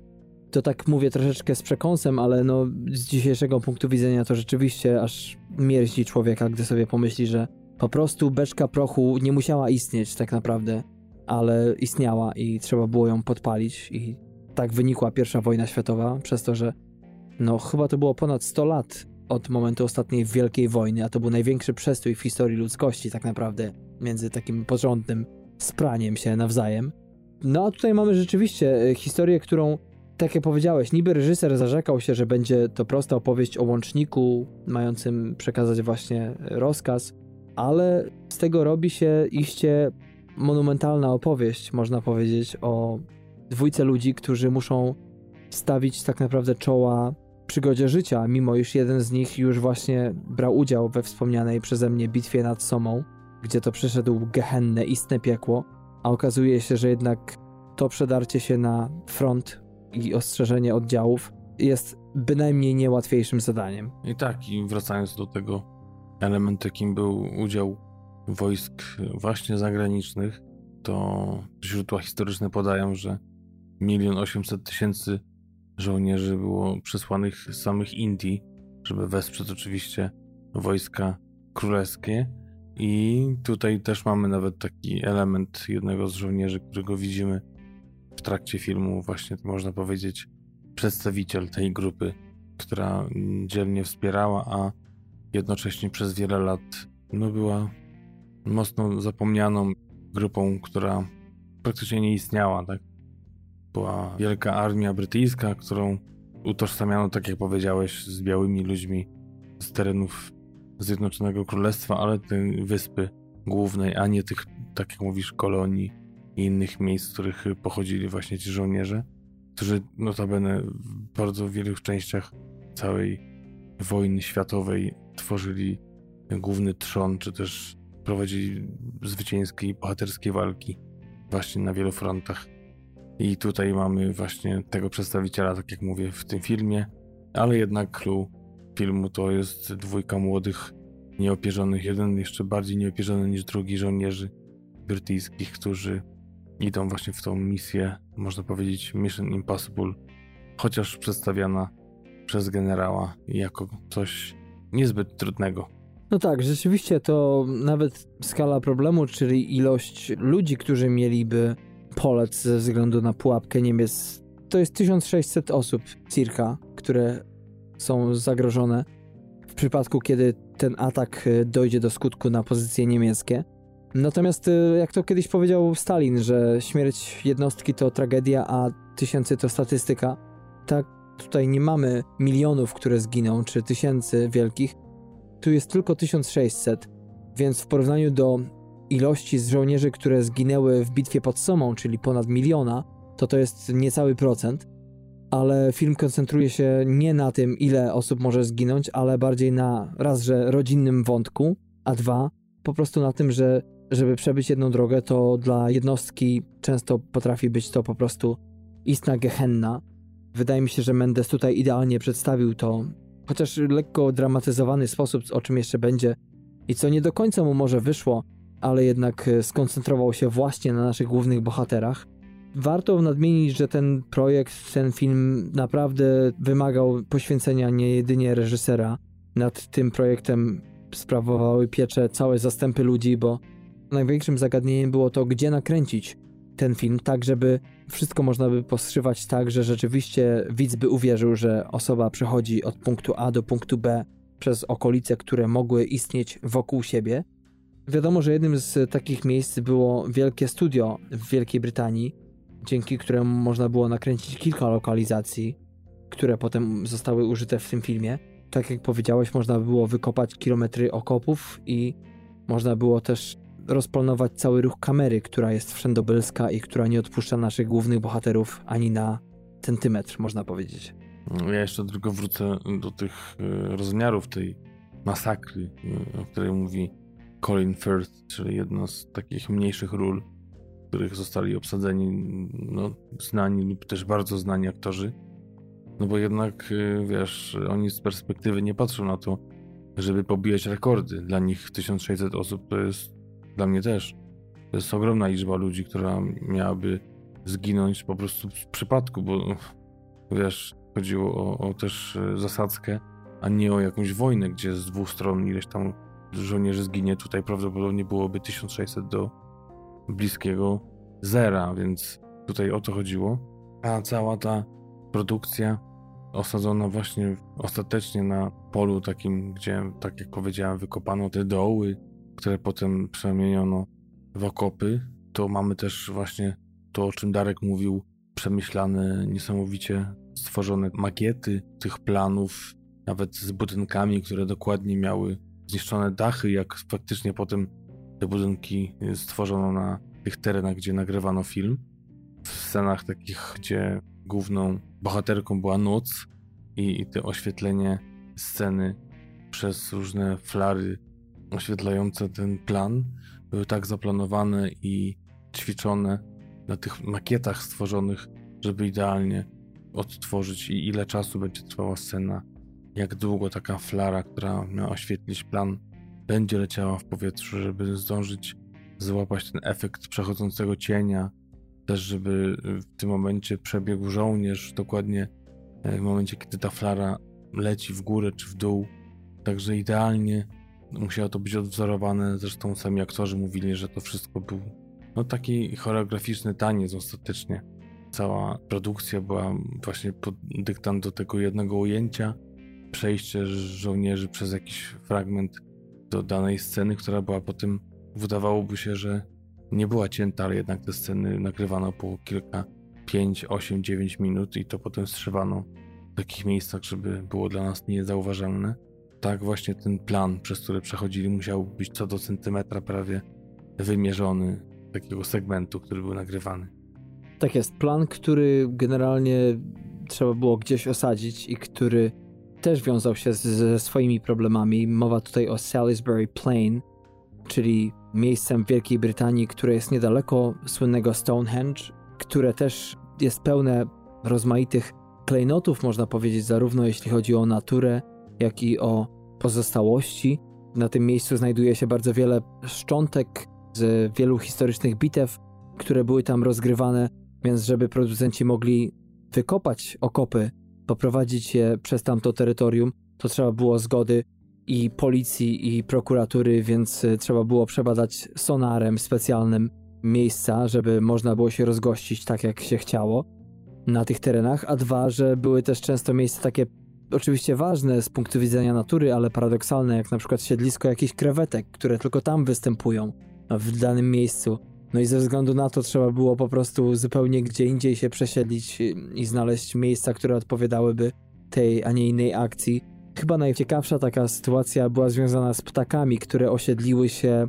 Jak ktoś widział już film, to będzie wiedział o co chodzi. Jak nie, to kochani, jest taka scena, gdzie mamy pozostałości farmy czy gospodarstwa domowego francuskiego podczas kręcenia zdjęć tam, że na poddaszu tej farmy osiedliły się ptaki, które były zagrożone w Wielkiej Brytanii i trzeba było specjalnego zastępu ornitologów, żeby wyprosić nieproszonych gości stamtąd, aby można było kontynuować zdjęcia. I to, tak jak też Patryku, nie wiem czy chyba jeszcze nie wspomnieliśmy o tym, ciągłość zdjęć też polegała przede wszystkim na tym, żeby nie było tak, że z jednej strony świeci słońce, z drugiej chmury, więc oprócz takich e, sytuacji z fauną czy florą też dochodziły elementy z pogodą, które krzyżowały producentom mocno plany, żeby to wszystko wyglądało jak praktycznie nieszywane.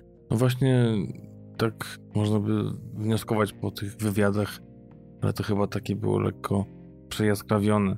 Te pierwsze opinie, że, że faktycznie tak ta pogoda im przeszkadzała, a jeden z wywiadów z Dickensem, który oglądałem, mówi, że właśnie niesamowicie łaskawa była dla nich ta pogoda, że jednak najczęściej to były właśnie te dni pochmurne, tak jak były właśnie chcieli, a w nocy te zdjęcia nocne udawało im się tak, że było właśnie bezchmurnie, więc idealnie do tych nocnych zdjęć i naprawdę na palcach jednej ręki można było policzyć takie dni, gdzie faktycznie wyszło słońce i musieli długo czekać, No ale wtedy też była, tak jak mówili, żeby nie tracić dnia, szybka akcja. Mamy 5 minut na nakręcenie, póki słońce nie wyjdzie za chmur i po prostu lecieli z tematem, ale tak jak mówił, że nawet jak, jak były takie dni, gdzie no, ciężko było z nagraniem, to kolejne próby, nie marnowali tego czasu.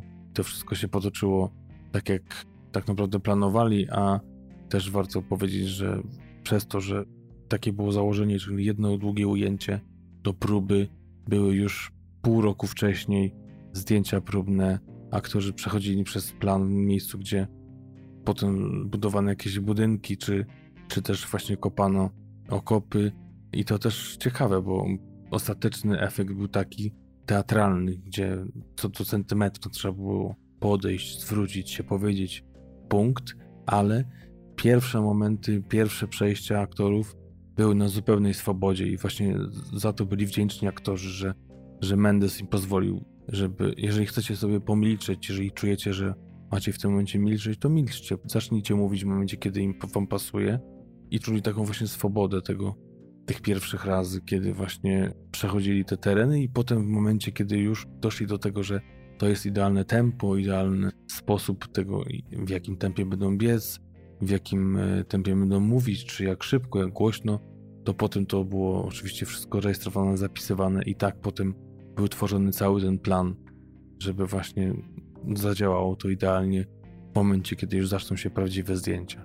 Tak jest. Jeśli chodzi o ten idealny plan, czyli mm, ten production design, czyli zarówno rekwizyty, jak i stronę scenograficzną, to tutaj odpowiedzialny za to jest Dennis Gassner, który pracował wcześniej przy no nie tak mało znanymi filmami, bo możemy tutaj wymienić m.in. Blade Runnera 2049, Drogę do Zatracenia, czyli film naszego dzisiejszego reżysera, ale mamy też takie filmy jak Barton Fink, Truman Show, Bracie, gdzie jesteś, Dużą Rybę. No i Gassner w pewnym wywiadzie powiedział, że któregoś dnia otrzymał maila od Mendesa, w którym to reżyser napisał mu nie rób Bonda, mam coś bardziej ambitnego. I on już wiedział, że po prostu trzeba będzie wziąć na luz i poczekać, bo Mendes coś wykombinował. Wrócę jeszcze na chwilę tylko do tego, co powiedziałeś a propos, jak korzystali z przerw, bo może rzeczywiście pogoda była łaskawa, ale reżyser od zdjęć Roger Dickens miał tych jednak kilkanaście aplikacji pogodowych, dzięki którym po prostu mógł na bieżąco śledzić, jaka będzie pogoda. Koniec końców wyszło to pomyślnie, no ale na początku, tak jak wspomniałeś, te zdjęcia się lekko przesunęły przez pogodę i Mendes, jak i cały zespół produkcyjny był zalewany mailami od studia, które pytało się, no ile dzisiaj zrobiliście, jaki jest postęp. I w odpowiedzi otrzymywało to studio, że po prostu no, prawie nic nie zostało tego dnia zrobione, nakręcone. Ale potem podobno tak sprawnie środek produkcji poszedł, że tak naprawdę wyprzedzali planowo to, co mieli wcześniej nakreślone i dzięki temu nie widać tutaj wielkich problemów, dzięki temu to wszystko jest postrzewane, jednak Bozia w cudzysłowie czuwała nad tą produkcją. Było też, też często tak, że oni musieli czekać jednak na chmury, co nie jest problemem w Wielkiej Brytanii, zwłaszcza Dickens w którymś z wywiadów powiedział, że chyba jeszcze nie znalazła się osoba w Anglii, która by przegrała zakład stawiając na chmury, ale rzeczywiście to pomogło im we wszystkim i to też opłaciło się a propos końca filmu, kiedy wszystko wyszło dość naturalnie, nie było to zaplanowanym efektem pogodowym, a moim zdaniem metaforycznie tak pięknie wpisało się w tą podróż głównych bohaterów, że chyba nie można było prosić o lepsze rozwiązanie akcji pod takim względem. Tak, też a propos tej pogody, ale też tych prób właśnie na tych polach, które potem zostały przekopane i nawet już w trakcie nagrywania, kiedy musiano powtarzać niektóre sceny, to sama powiedziała współautorka scenariusza, bo o tym nie mówiliśmy, że jest to pierwszy scenariusz w karierze Mendeza, ale jednak wspierał się panią Christy Wilson Carnes, 32-latką z Glasgow, dla której również to był debiut. Tak się sobie pomyślałem, jak oglądałem wywiad z tą parą, czy to czasami nie będzie jakaś przyszła żona Mendeza, bo, bo nic na koncie zbytnio nie miała, a tu nagle takie coś. Zresztą następny film to coś ponoć genialnego, zresztą sama podniecona mówiła w wywiadzie dla Edgara Wrighta. Tak, tak, tak. Last Night in Soho i też mówiła, że to było zaraz po kręcone i, i niesamowicie jest zachwycona i dumna ze swojej pracy, także też ciekawe, co to ta pani za karierę zrobi. Zresztą młoda jak na scenopisarkę. Ale mówiła właśnie o tym, zapytana o najgorszych dniach, najgorszych momentach, najcięższych scenach, to właśnie mówiła, że te przejścia przez No Man's Land, tak zwane, gdzie kręcono to właśnie w płocie, mówi, tyle razy było próbowane, że mhm. cała ekipa po prostu na jednych wielkich bagnach była i po kilkukrotnym przejściu tych samych terenów.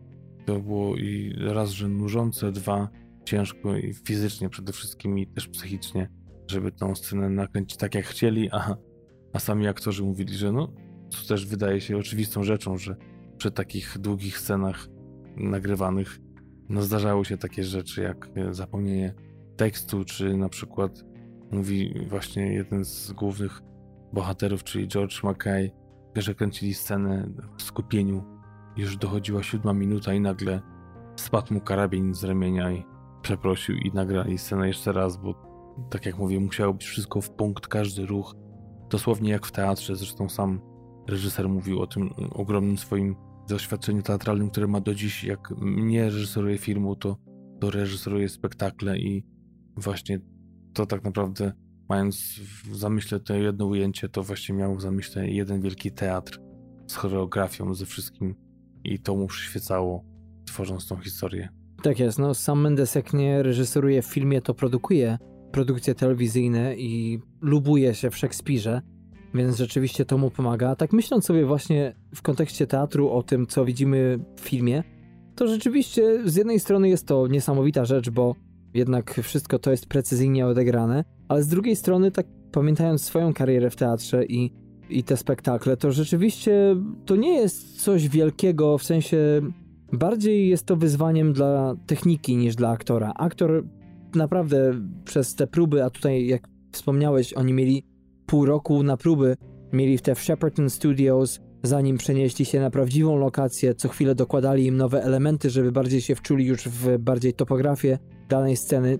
Jednak człowiek zapamiętuje to wszystko i rzeczywiście grając spektakl wielokrotnie, aż dziw bierze, że co wieczór jest, y, no może niuanse się różnią, ale co wieczór jest y, odegrany prawie że do perfekcji a propos właśnie pewne wytyczne, które trzeba wykonać.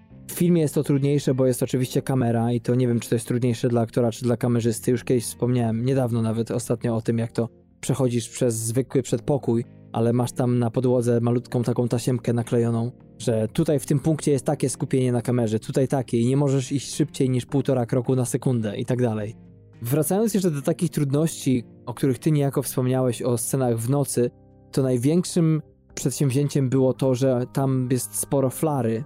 To kładzie cień na budynkach, kładzie cień, według którego przemieszcza się cała akcja. I tutaj polega to wszystko na tym, że w pewnych momentach aktor jest widziany, w pewnych nie. I wszystko ma być tak zagrane, że jednak te najbardziej łakome kąski potrafią się zmontować później w bardziej dramatyczną całość. I było wiele prób, ale podobno opanowali właśnie do perfekcji. Stworzyli nawet specjalną flarę, którą nie można kupić nigdzie, żeby ona mogła w danym czasie idealnie doświetlić wystrzona w danym kierunku scenerię, żeby kamera mogła podążyć za bohaterem w sposób, który jest ekscytujący, przynajmniej, jak nie zjawiskowy. No w ogóle całą taką, można powiedzieć, wieżę wybudowaną z, ze światłami. Z tych wywiadów wyglądało, że to przynajmniej miało z 10 metrów, jak nie 20 wysokości. Właśnie całą w lampach które właśnie imitowały. Te flary to akurat były, tak jak mówisz, y, faktycznie flary, ale te inne światła, które się pojawiały, żeby właśnie to miało taki efekt takiej bitwy w nocy, to taki monstrualny żerandol stworzono, żeby właśnie doświetlić te wszystkie miejsca, które no, były w zamyśle i próbowane na makietach, tak jak powiedziałem wcześniej. Tak jest. No jednym z największych problemów, czy największych wyzwań a propos tego filmu to było nie tylko spięcie różnych elementów właśnie typu scenografii i światła, prowadzenia kamery, ale też wielu statystów, którzy pojawiają się tu i ówdzie w tym filmie, czasami w mniejszej, czasami w większej ilości, najczęściej na kontrze do misji głównych bohaterów. Często jest tak, że trzeba się przedrzeć przez okopy czy przez inne miejsce, gdzie akurat nie jest o to łatwo, bo zazwyczaj tego elementu ludzkiego jest sporo. Było to bardzo ambitne przedsięwzięcie, jeśli chodzi o stronę produkcyjną, bo tutaj Są sceny, kiedy widzimy wielu mężczyzn w natarciu, którzy tak naprawdę byli dowodzeni specjalnie wyszkolonymi kaskaderami, którzy z jednej strony czuwali nad tym, żeby tempo przesuwania się ludzi było idealne w stosunku do głównych bohaterów, którzy poruszają się jakby na pierwszym planie, ale dwa, oczywiście wielokrotnie plany były naszpikowane materiałami wybuchowymi, które miały swój czas i miejsce, żeby wystrzelić, żeby dodać y, odpowiedniego elementu grozy filmowi i też trzeba było jakoś w tym całym ferworze sterować tymi ludźmi tak, żeby przypadkiem któryś nie wbiegł na minę. Czego nie widać w filmie oczywiście, ale te miejsca były, no może dobrze oznaczone, ale często były to doliny. Łatwo można było w to wpaść. W filmie widzimy to perfekcyjnie, moim zdaniem, wykonane. Tą choreografię, która z jednej strony budzi podziw, z drugiej strony wydaje się bardzo organiczna, że tak powiem. Taka, jaka być może miała miejsce rzeczywiście w trakcie bitew I wojny światowej. A na kontrze mamy to, że jedną chyba z najlepszych scen, którą już widać nawet w trailerze, więc też tutaj nie ma żadnej obawy o spoilowanie. Zresztą to bardzo się nic dramatycznego nie dzieje, w sensie akcja się nie, dziś za bardzo nie posuwa, ale moment, kiedy chyba to jest ostatnia scena z zwiastuna, kiedy bohater grany przez właśnie George'a McKeya biegnie przez pole bitwy, prostopadle do tego, jak biegną żołnierze, jak wybiegają z okopów i po prostu co chwilę jakiś trzy razy wpada na niego i ten zostaje albo przewrócony, albo odpycha, ale wstaje i biegnie dalej, bo komenda była biegnij, aż usłyszysz sygnał dość i jak się okazało, to wszystko było jednak przypadkowe. To nie było zgrane tak, że on miał na kogoś wpadać, ale za każdym razem, jak to powtarzali, to tych żołnierzy wbiegało tak wiele, że to nie było opcji, żeby kaprala Scofielda nie zahaczyć przynajmniej łokciem czy też butem. I ta jedna z lepszych chyba scen została właśnie tak naturalnie i przez przypadek stworzona i wyszło genialnie, jak to przeważnie bywa z improwizacjami. Tak jest. Bardzo świetnie zostali tutaj, moim zdaniem, zestawieni bohaterowie, główni tego filmu. Jeden, Blake, czyli brat żołnierza, który stacjonuje w zagrożonym anihilacją oddziale. Jest to młody człowiek pełen motywacji, by wypełnić misję do końca z sukcesem. Natomiast drugi, wspomniany przez ciebie Schofield, William Schofield, przeżył był już bitwę nad Somą, wielokrotnie tu wspomnianą, z roku 1916 ta bitwa trwała od lipca do połowy listopada i jest to największa właśnie bitwa I wojny światowej i to naznacza naszego głównego bohatera dość mocno. Mimo to w trakcie ich podróży przez plan, w trakcie ich wspólnego przebywania, bardzo ciekawie zderzają się tutaj ich osobowości, bo jeden z nich jest, można powiedzieć, nieopierzonym młokosem, który nie można powiedzieć, że nie rozumie skali przedsięwzięcia, ale który jest mocno zdeterminowany a drugi też młody człowiek, bo to jest chyba największy tragizm tego wszystkiego, dlatego też na początku odnosiłem się do filmu Petera Jacksona, że tam widzimy żołnierzy, większość z nich to 17-18-latkowie.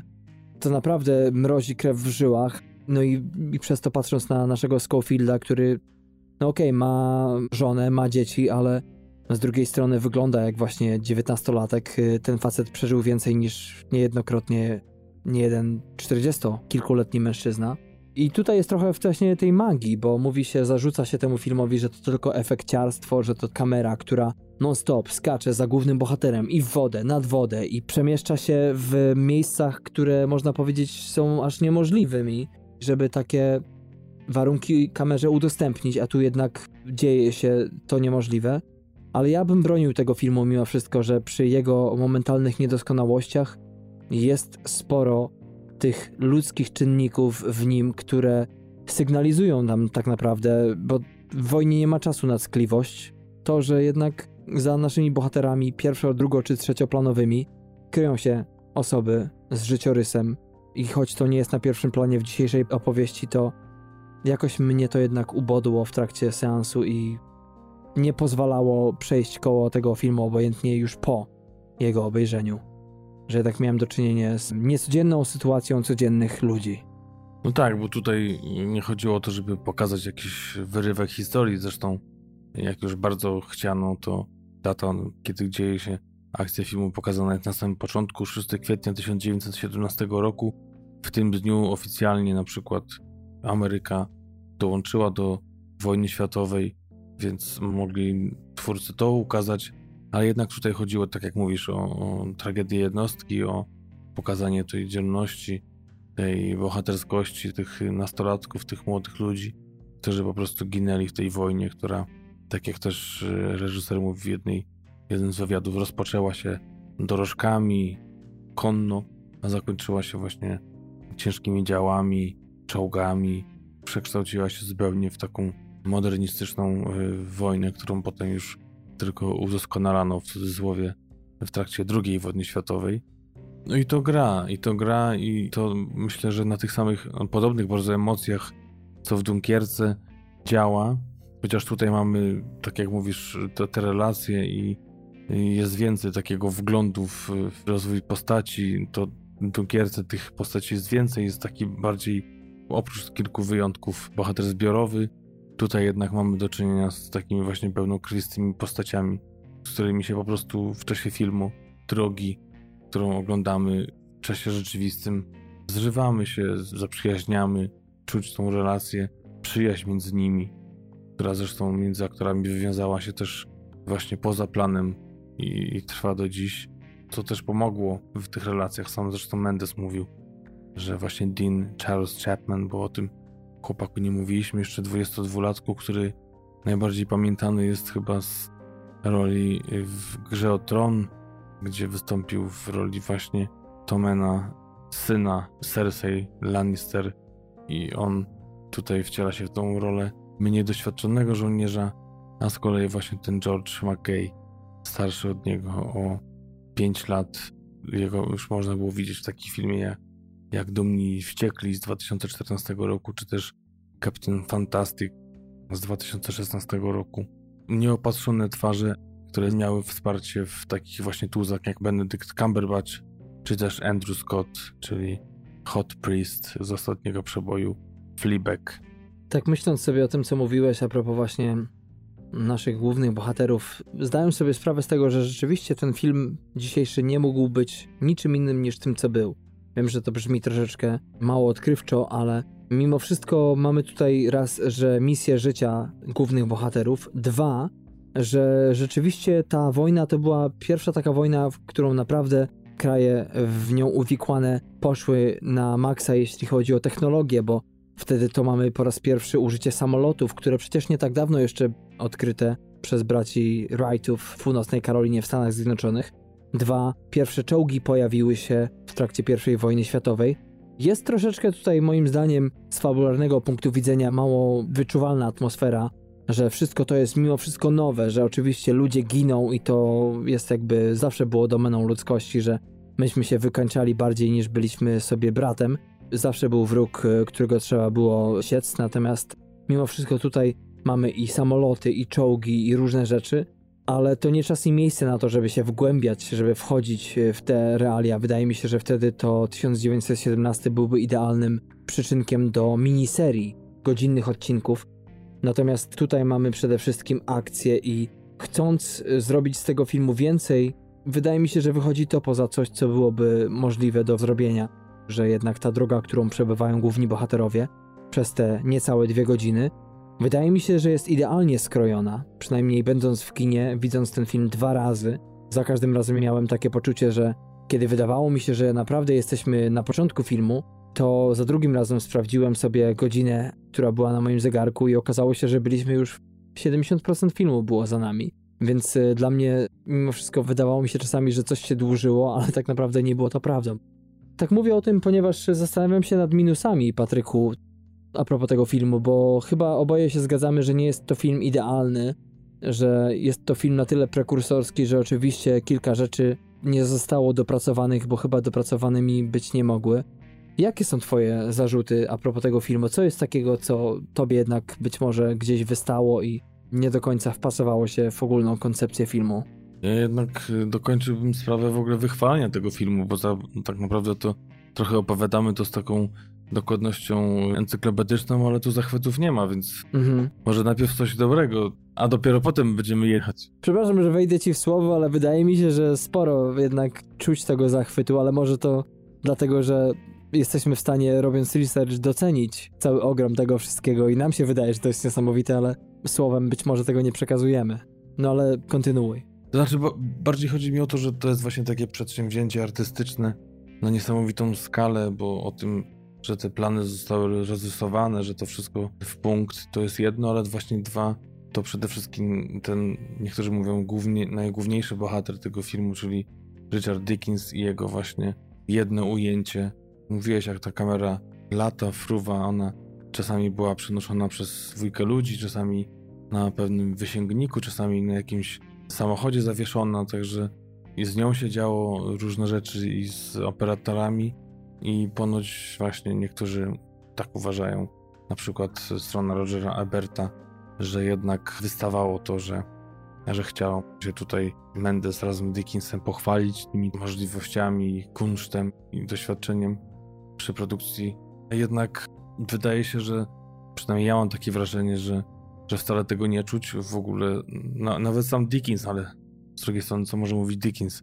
Sam powiedział, że tydzień po tym, jak ten film złożono całości, obejrzał go w sali kinowej i w ogóle nie widział tego, że, że to jest jedno ujęcie, przede wszystkim nie widział tej złożoności, tej techniki, w ogóle się odciął i gdzieś pochłonęła go ta historia.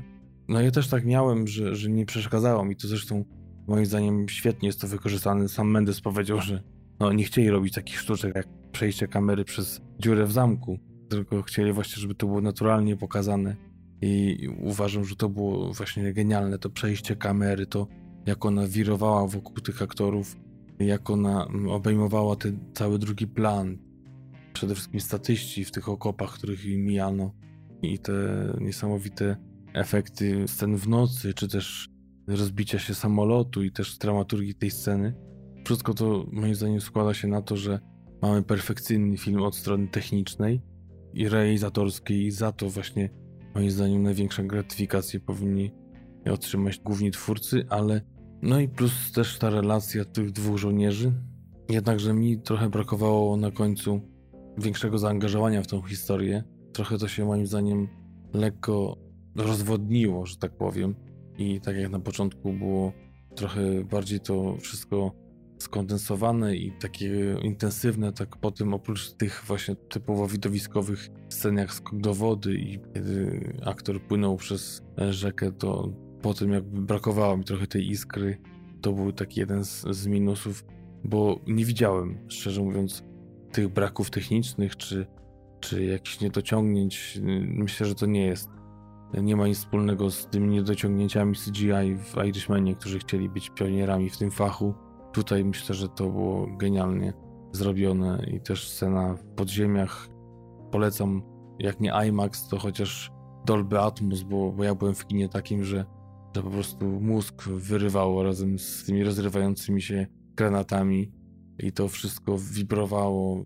Odczułem każde większe uderzenie bomby czy czy granatu, czy, czy jakichś strzałów i przeszywające to uczucie było, które niesamowicie wpływało na, na jeszcze taki bardziej na razie osobisty, a dwa taki wielozmysłowy odbiór tego filmu. Trochę jak w tych filmach kinach 7D, czy teraz już nie wiem 6D czy 10D, gdzie no, brakowało tylko, żeby mnie wodą oblewano z boku. I to byłoby całe chyba y, spektrum, jakie można odczuć w kinie. To chyba taka jedna rzecz, na którą lekko ubolewam, chociaż nie aż tak, żeby właśnie moim zdaniem nie dać temu filmowi statuetki za najlepszy film, bo jednak realizatorsko to się tak broni, że takie niedociągnięcie lekkie można mu wybaczyć. No ja powiem tyle, że raz jest to kino 4D, gdzie jesteś oblewany wodą, wiem, bo byłem. Natomiast też z drugiej strony nie to, że nie zgodziłbym się z tobą, co mam trochę inne odczucie a propos minusów tego filmu, czyli to, że u ciebie się to wszystko rozłazi. Moim zdaniem właśnie się nie rozłazi. Ono bardziej się kondensuje, to znaczy jest pewien moment w tym filmie, po którym wszystko następuje na raz, kiedy dzieją się rzeczy, które po prostu dla mnie są nie do pomyślenia, że aż taki zbieg okoliczności sprawia, że wszystko teraz akurat musi być napakowane. I moim zdaniem tutaj widać już fabularyzację, jeśli chodzi o scenariusz, że teraz przyspieszamy, bo trzeba tutaj do puenty dążyć za wszelką cenę. Pierwszą połowę filmu ogląda się rzeczywiście zjawiskowo, a druga to już e, są takie rzeczy, w które nawet się wkrada tautologia. Przypomnę taką scenę z francuską kobietą, kiedy to ona mówi po francusku, a nasz główny bohater, jeden z naszych głównych bohaterów po angielsku i e, aż prosi się, zdradzając, nie zdradzając za wiele, żeby mniej było tutaj takiej sceny jak z Młodych Wilków, kiedy to Cleo, czyli amerykańska córka polskiego biznesmena, rozumie wszystko po polsku, ale ani B, ani me po naszemu nie potrafi, wszystko odpowiada po angielsku głównemu bohaterowi. Tu trochę to mi śmierdziało właśnie takim zabiegiem. Wolałem więcej, może nie zrozumienia, ale szukania pewnego zrozumienia, więcej niewerbalnych kwestii. Tego mi brakowało. Ale tak naprawdę a propos zarzutów, to nie mam za wielu, bo chyba odczytuję go takim, jakim jest. Po prostu nie jest to film, który warto porównywać do innych wojennych. Jest to, tak jak na początku powiedziałem odcinka, taki przebłysk przyszłości w kinie, bo kto wie, czy za kilka lat kino nie będzie nie tylko virtual reality, gdzie będziesz mógł wybrać sobie po prostu bohatera, z którym będziesz podążał przez scenę jakiegoś filmu, ale wyobraź sobie możliwość wyboru jakiegokolwiek filmu, szklanej pułapki, kiedy będziesz po prostu wszędobylskim bohaterem, będziesz mógł przemierzać przez plan filmu tak, jak tobie się podoba, więc albo będziesz mógł śledzić akcję filmu, albo będziesz mógł podążać zupełnie innymi uliczkami.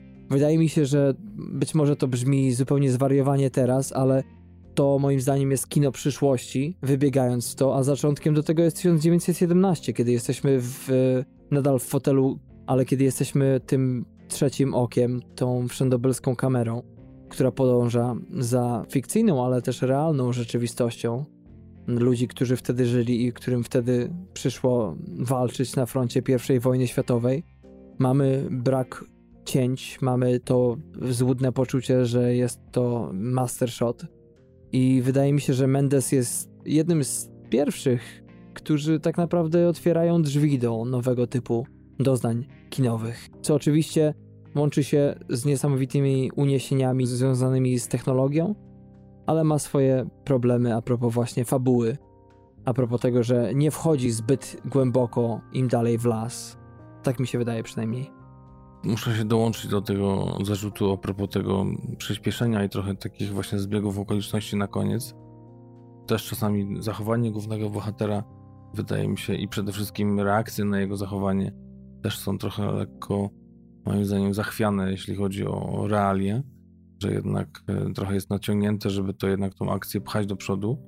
Ale tak jak mówisz, no, niektórzy porównują ten film do tego, jakby się grało w grę, sterowało takimi żołnierzami, przez to, że kamera jest najczęściej za nimi, chociaż ona jest e, tak wszędobylska, jak tylko się da. Mm-hmm. I z tej wszędobylskości, moim zdaniem, powstaje właśnie efekt złudny, że tego mastershota nie ma, bo jak sobie gdzieś przywołasz w głowie niektóre sceny i jak kamera jest ustawiona, to aż to się nie chce wierzyć, że to jest dalej to jedno ujęcie. I tak jak mówisz, możliwe, że to w tą stronę pójdzie. Sam powiedział właśnie Mendes, że kino idzie właśnie w tą stronę tego szybkiego montażu, a, a może zacząć eksplorować tą drugą stronę i może też będzie miał naśladowców. Zresztą są takie filmy z rozmachem zrobione jednym ujęciem, jak już kiedyś mówiliśmy o tym przy okazji naszego filmu, o którym mówiliśmy o Wiktorii, czyli film rosyjska Arka, która faktycznie jest zrobiona na jednym ujęciu. A jak chcecie faktycznie właśnie zobaczyć mały film, który jest kręcony na jednym ujęciu i to naprawdę jest tak, że, że było kilka razy mm. nakręcone od początku do końca bez żadnych cięć, czyli właśnie nasza Wiktoria. Poszukajcie sobie w naszych pełnych odcinkach a to jest na wyższym poziomie zrobiony taki właśnie Birdman, który jeszcze bardziej urzeczywistnia tą akcję, bo tak naprawdę w Birdmanie ten efekt za dużo nie dawał. W sumie tak naprawdę to chyba był zabieg techniczny, nic nie wnoszący, bo nie wiem, co tam takiego było. No samo to wrażenie, że ta kamera wszędzie chodzi, to czasami ona się po prostu oddalała od bohaterów wracała, tak jakby była jakimś, wiesz, gościem, który na chwilę wyszedł na fajkę, a potem wracał. A tutaj jednak podążamy, cały czas jesteśmy bardzo blisko tą kamerą. Zresztą Dickens sam mówi, że on chciał znaleźć taki obiektyw, który właśnie będzie czymś pomiędzy szerokim planem, a takim właśnie zbliżeniem na twarz. I na tym mu zależało. Świetny film, który, tak jak mówisz, nie ma róży bez kolców i też nie ma filmu bez wad. Ja, jak już mówimy o cenach, daję mu 13,5, 14 na 15. Ja dam to samo ze względu na to, że jest to najbardziej wyjątkowy film technicznie, jaki kiedykolwiek w życiu widziałem. I być może właśnie tutaj odgrywa olbrzymią rolę mm, ten brak szwów, ale wydaje mi się, że rzeczywiście jest to film, który podzieli widzów i będą ci, którzy stwierdzą, że ale po co, przecież to jest wszystko efekciarstwo i tak dalej. Wydaje mi się, że to poniekąd jest y, może nie tyle prawdą, bo na pewno Mendes nie szedł w efekciarstwo, mimo już zdawał sobie sprawę, że wykorzystuje tutaj sporo myków technicznych, ale tak naprawdę to, co waży na ocenie a propos tego filmu, to jest to, że my nie jesteśmy przyzwyczajeni do takiego kina. My nie wiemy, z czym to kino się je. Mimo wszystko jednak to, że ktoś chce naszpikować dany film jakimś efektem, w tym przypadku właśnie niesamowitym efektem kamery, no to jednak odniesie to jakiś skutek i czasami będzie to jednak skutek negatywny, którego twórcy nie byli w stanie przewidzieć, bo no, jesteśmy na tym etapie, że niekoniecznie wiemy, jak to się je. Jednak Wiktoria oczywiście jest to fenomenalny obraz, który jest zdecydowanie jednym ujęciem. To nie jest to, co dzisiejszy film. Tam rzeczywiście tyle, ile trwa akcja filmu, tyle trwał mastershot co do sekundy. Natomiast tutaj mamy o wiele więcej sprzeczności, które niestety jakoś siebie zwalczają i jedni stwierdzą, że jest to fenomenalna rzecz, że właśnie nie chodzi o jakieś większe wątki, tylko właśnie o sam experience, samo odczucie, a drudzy stwierdzą, że, że właśnie nie, że jednak jest to film połowiczny, że mimo wszystko za cenę nowoczesności, za cenę otwarcia drzwi na to, co już niedługo będzie możliwe w kinie, no to jednak kilka klasycznych elementów ten film jednak nie posiada i to zaważy na jego ocenie. Ja daję mu tak samo jak ty. 13,5 do 14 na 15. Uważam, że jest to świetny eksperyment. Czy Oscarowy? No cóż, jest to najbardziej zjawiskowy film w tym roku pod tym względem, a Oscary, tak jak powiedzieliśmy, to nie jest konkurs piękności, tylko tam jest naprawdę wiele frakcji, które się zwalczają i chyba ostatnia rzecz, która tutaj wygrywa to merytoryka. Zresztą ciężko oceniać, tak jak e, kto to powiedział, Joaquin Phoenix podczas Złotych Globów otrzymując statuetkę, że mhm. tak naprawdę nie ma tutaj konkurencji między nami, że to wszystko jest i tutaj przeklnął chyba bzdurą, że tak naprawdę każdy z aktorów nominowanych jest fenomenalny, a tylko potrzeba czasu dyktuje, co tak naprawdę wygrywa. No i też myślę, że tutaj nie ma co więcej dodawać. Naprawdę warto, nie tylko każdy kinoman, ale każdy, kto lubi dobry efekt wczucia się w postaci, efekt kina akcji też na pewno jeszcze liznąć trochę z, lekko z historii. Oprócz tego móc się pochwalić takim zjawiskowym filmem, który widziało się w kinie. Mówię, moim zdaniem, czym lepsze kino, czym lepszy ekran, tym lepsze wrażenie będą, chociaż ponoć film, gdzieś słyszałem, nie traci za dużo walorów, jak ogląda się go w warunkach domowych. Polecamy, myślę, z czystym sercem kinomana. Idźcie, oglądajcie i też dzielcie się z nami potem swoimi wrażeniami. Tak jest. Także kochani, zapraszamy serdecznie. Ten film wchodzi do polskich kin 24 stycznia. Jest to spektakl, teatr w kinie, można powiedzieć, coś wyjątkowego. Czy Oscarowe, to już e, zostawiamy Wam. Chętnie usłyszymy Wasze opinie. Podzielcie się z nami Waszymi odczuciami. Na pewno jeden z najbardziej wyjątkowych obrazów tego roku. I tak jak powiedziałem Ci, Patryku, na początku, zaraz przed nagraniem tego odcinka, że gdybym miał wybrać taki perfekcyjny wieczór otwarty dla każdego, komu bliska jest ta tematyka, czy się nią fascynuje, wojny, no to zrobiłbym właśnie wieczorek filmowy, który by nie tylko miał w planach dzisiejszy film 1917, ale i Dunkierkę Christophera Nolana i też właśnie film Petera Jacksona, dokumentalne uzupełnienie tematu pod tytułem I młodzi pozostaną. Zapraszamy Was jak zwykle na nasze strony na portalach społecznościowych, też do odwiedzania naszej strony domowej www.tmfpodcast.com Na Facebooku to TMF Podcast pisane razem, tak samo jak na Instagramie, na Twitterze to TMF podkreślnik dolny podcast, Spotify, YouTube, wszędzie, gdzie słuchacie swoich podcastów, tam też i znajdziecie transkontynentalny magazyn filmowy. Tak jest, tak naprawdę jedynym miejscem, gdzie nas nie ma, to wasza lodówka, chociaż i być może w niedalekiej przyszłości i z niej wyskoczymy. Dziękujemy serdecznie, kochani, a za tydzień planowany jest nasz pełny odcinek, pierwszy w tym roku. I Patryku, trafiło nam się, no, powtarzamy to zawsze, więc może nie warto nam wierzyć, ale czasami jest tak, że wyszukujemy naprawdę nieznane perełki, a czasami wyszukujemy perełki, które były udziałem bardzo znanych nazwisk już dziś w świecie filmowym i taką też udało nam się znaleźć na pełny odcinek otwierający nasz który to już? Trzeci rok działania podcastu? Czwarty. Czwarty kalendarzowy, a trzeci to zacznie się w kwietniu, jak dotrwamy. Także jak będziecie nas słuchać, jak będziecie nas polecać, odwiedzać, zachęcać, komentować, łechtać nasze ego, to na pewno dotrwamy do tego kwietnia. Tak jest. Dziękujemy za dziś, za uwagę, za subskrypcję i polecamy się na przyszłość. Miłego weekendu i do usłyszenia już za tydzień w tym samym składzie. Trzymajcie się, pa.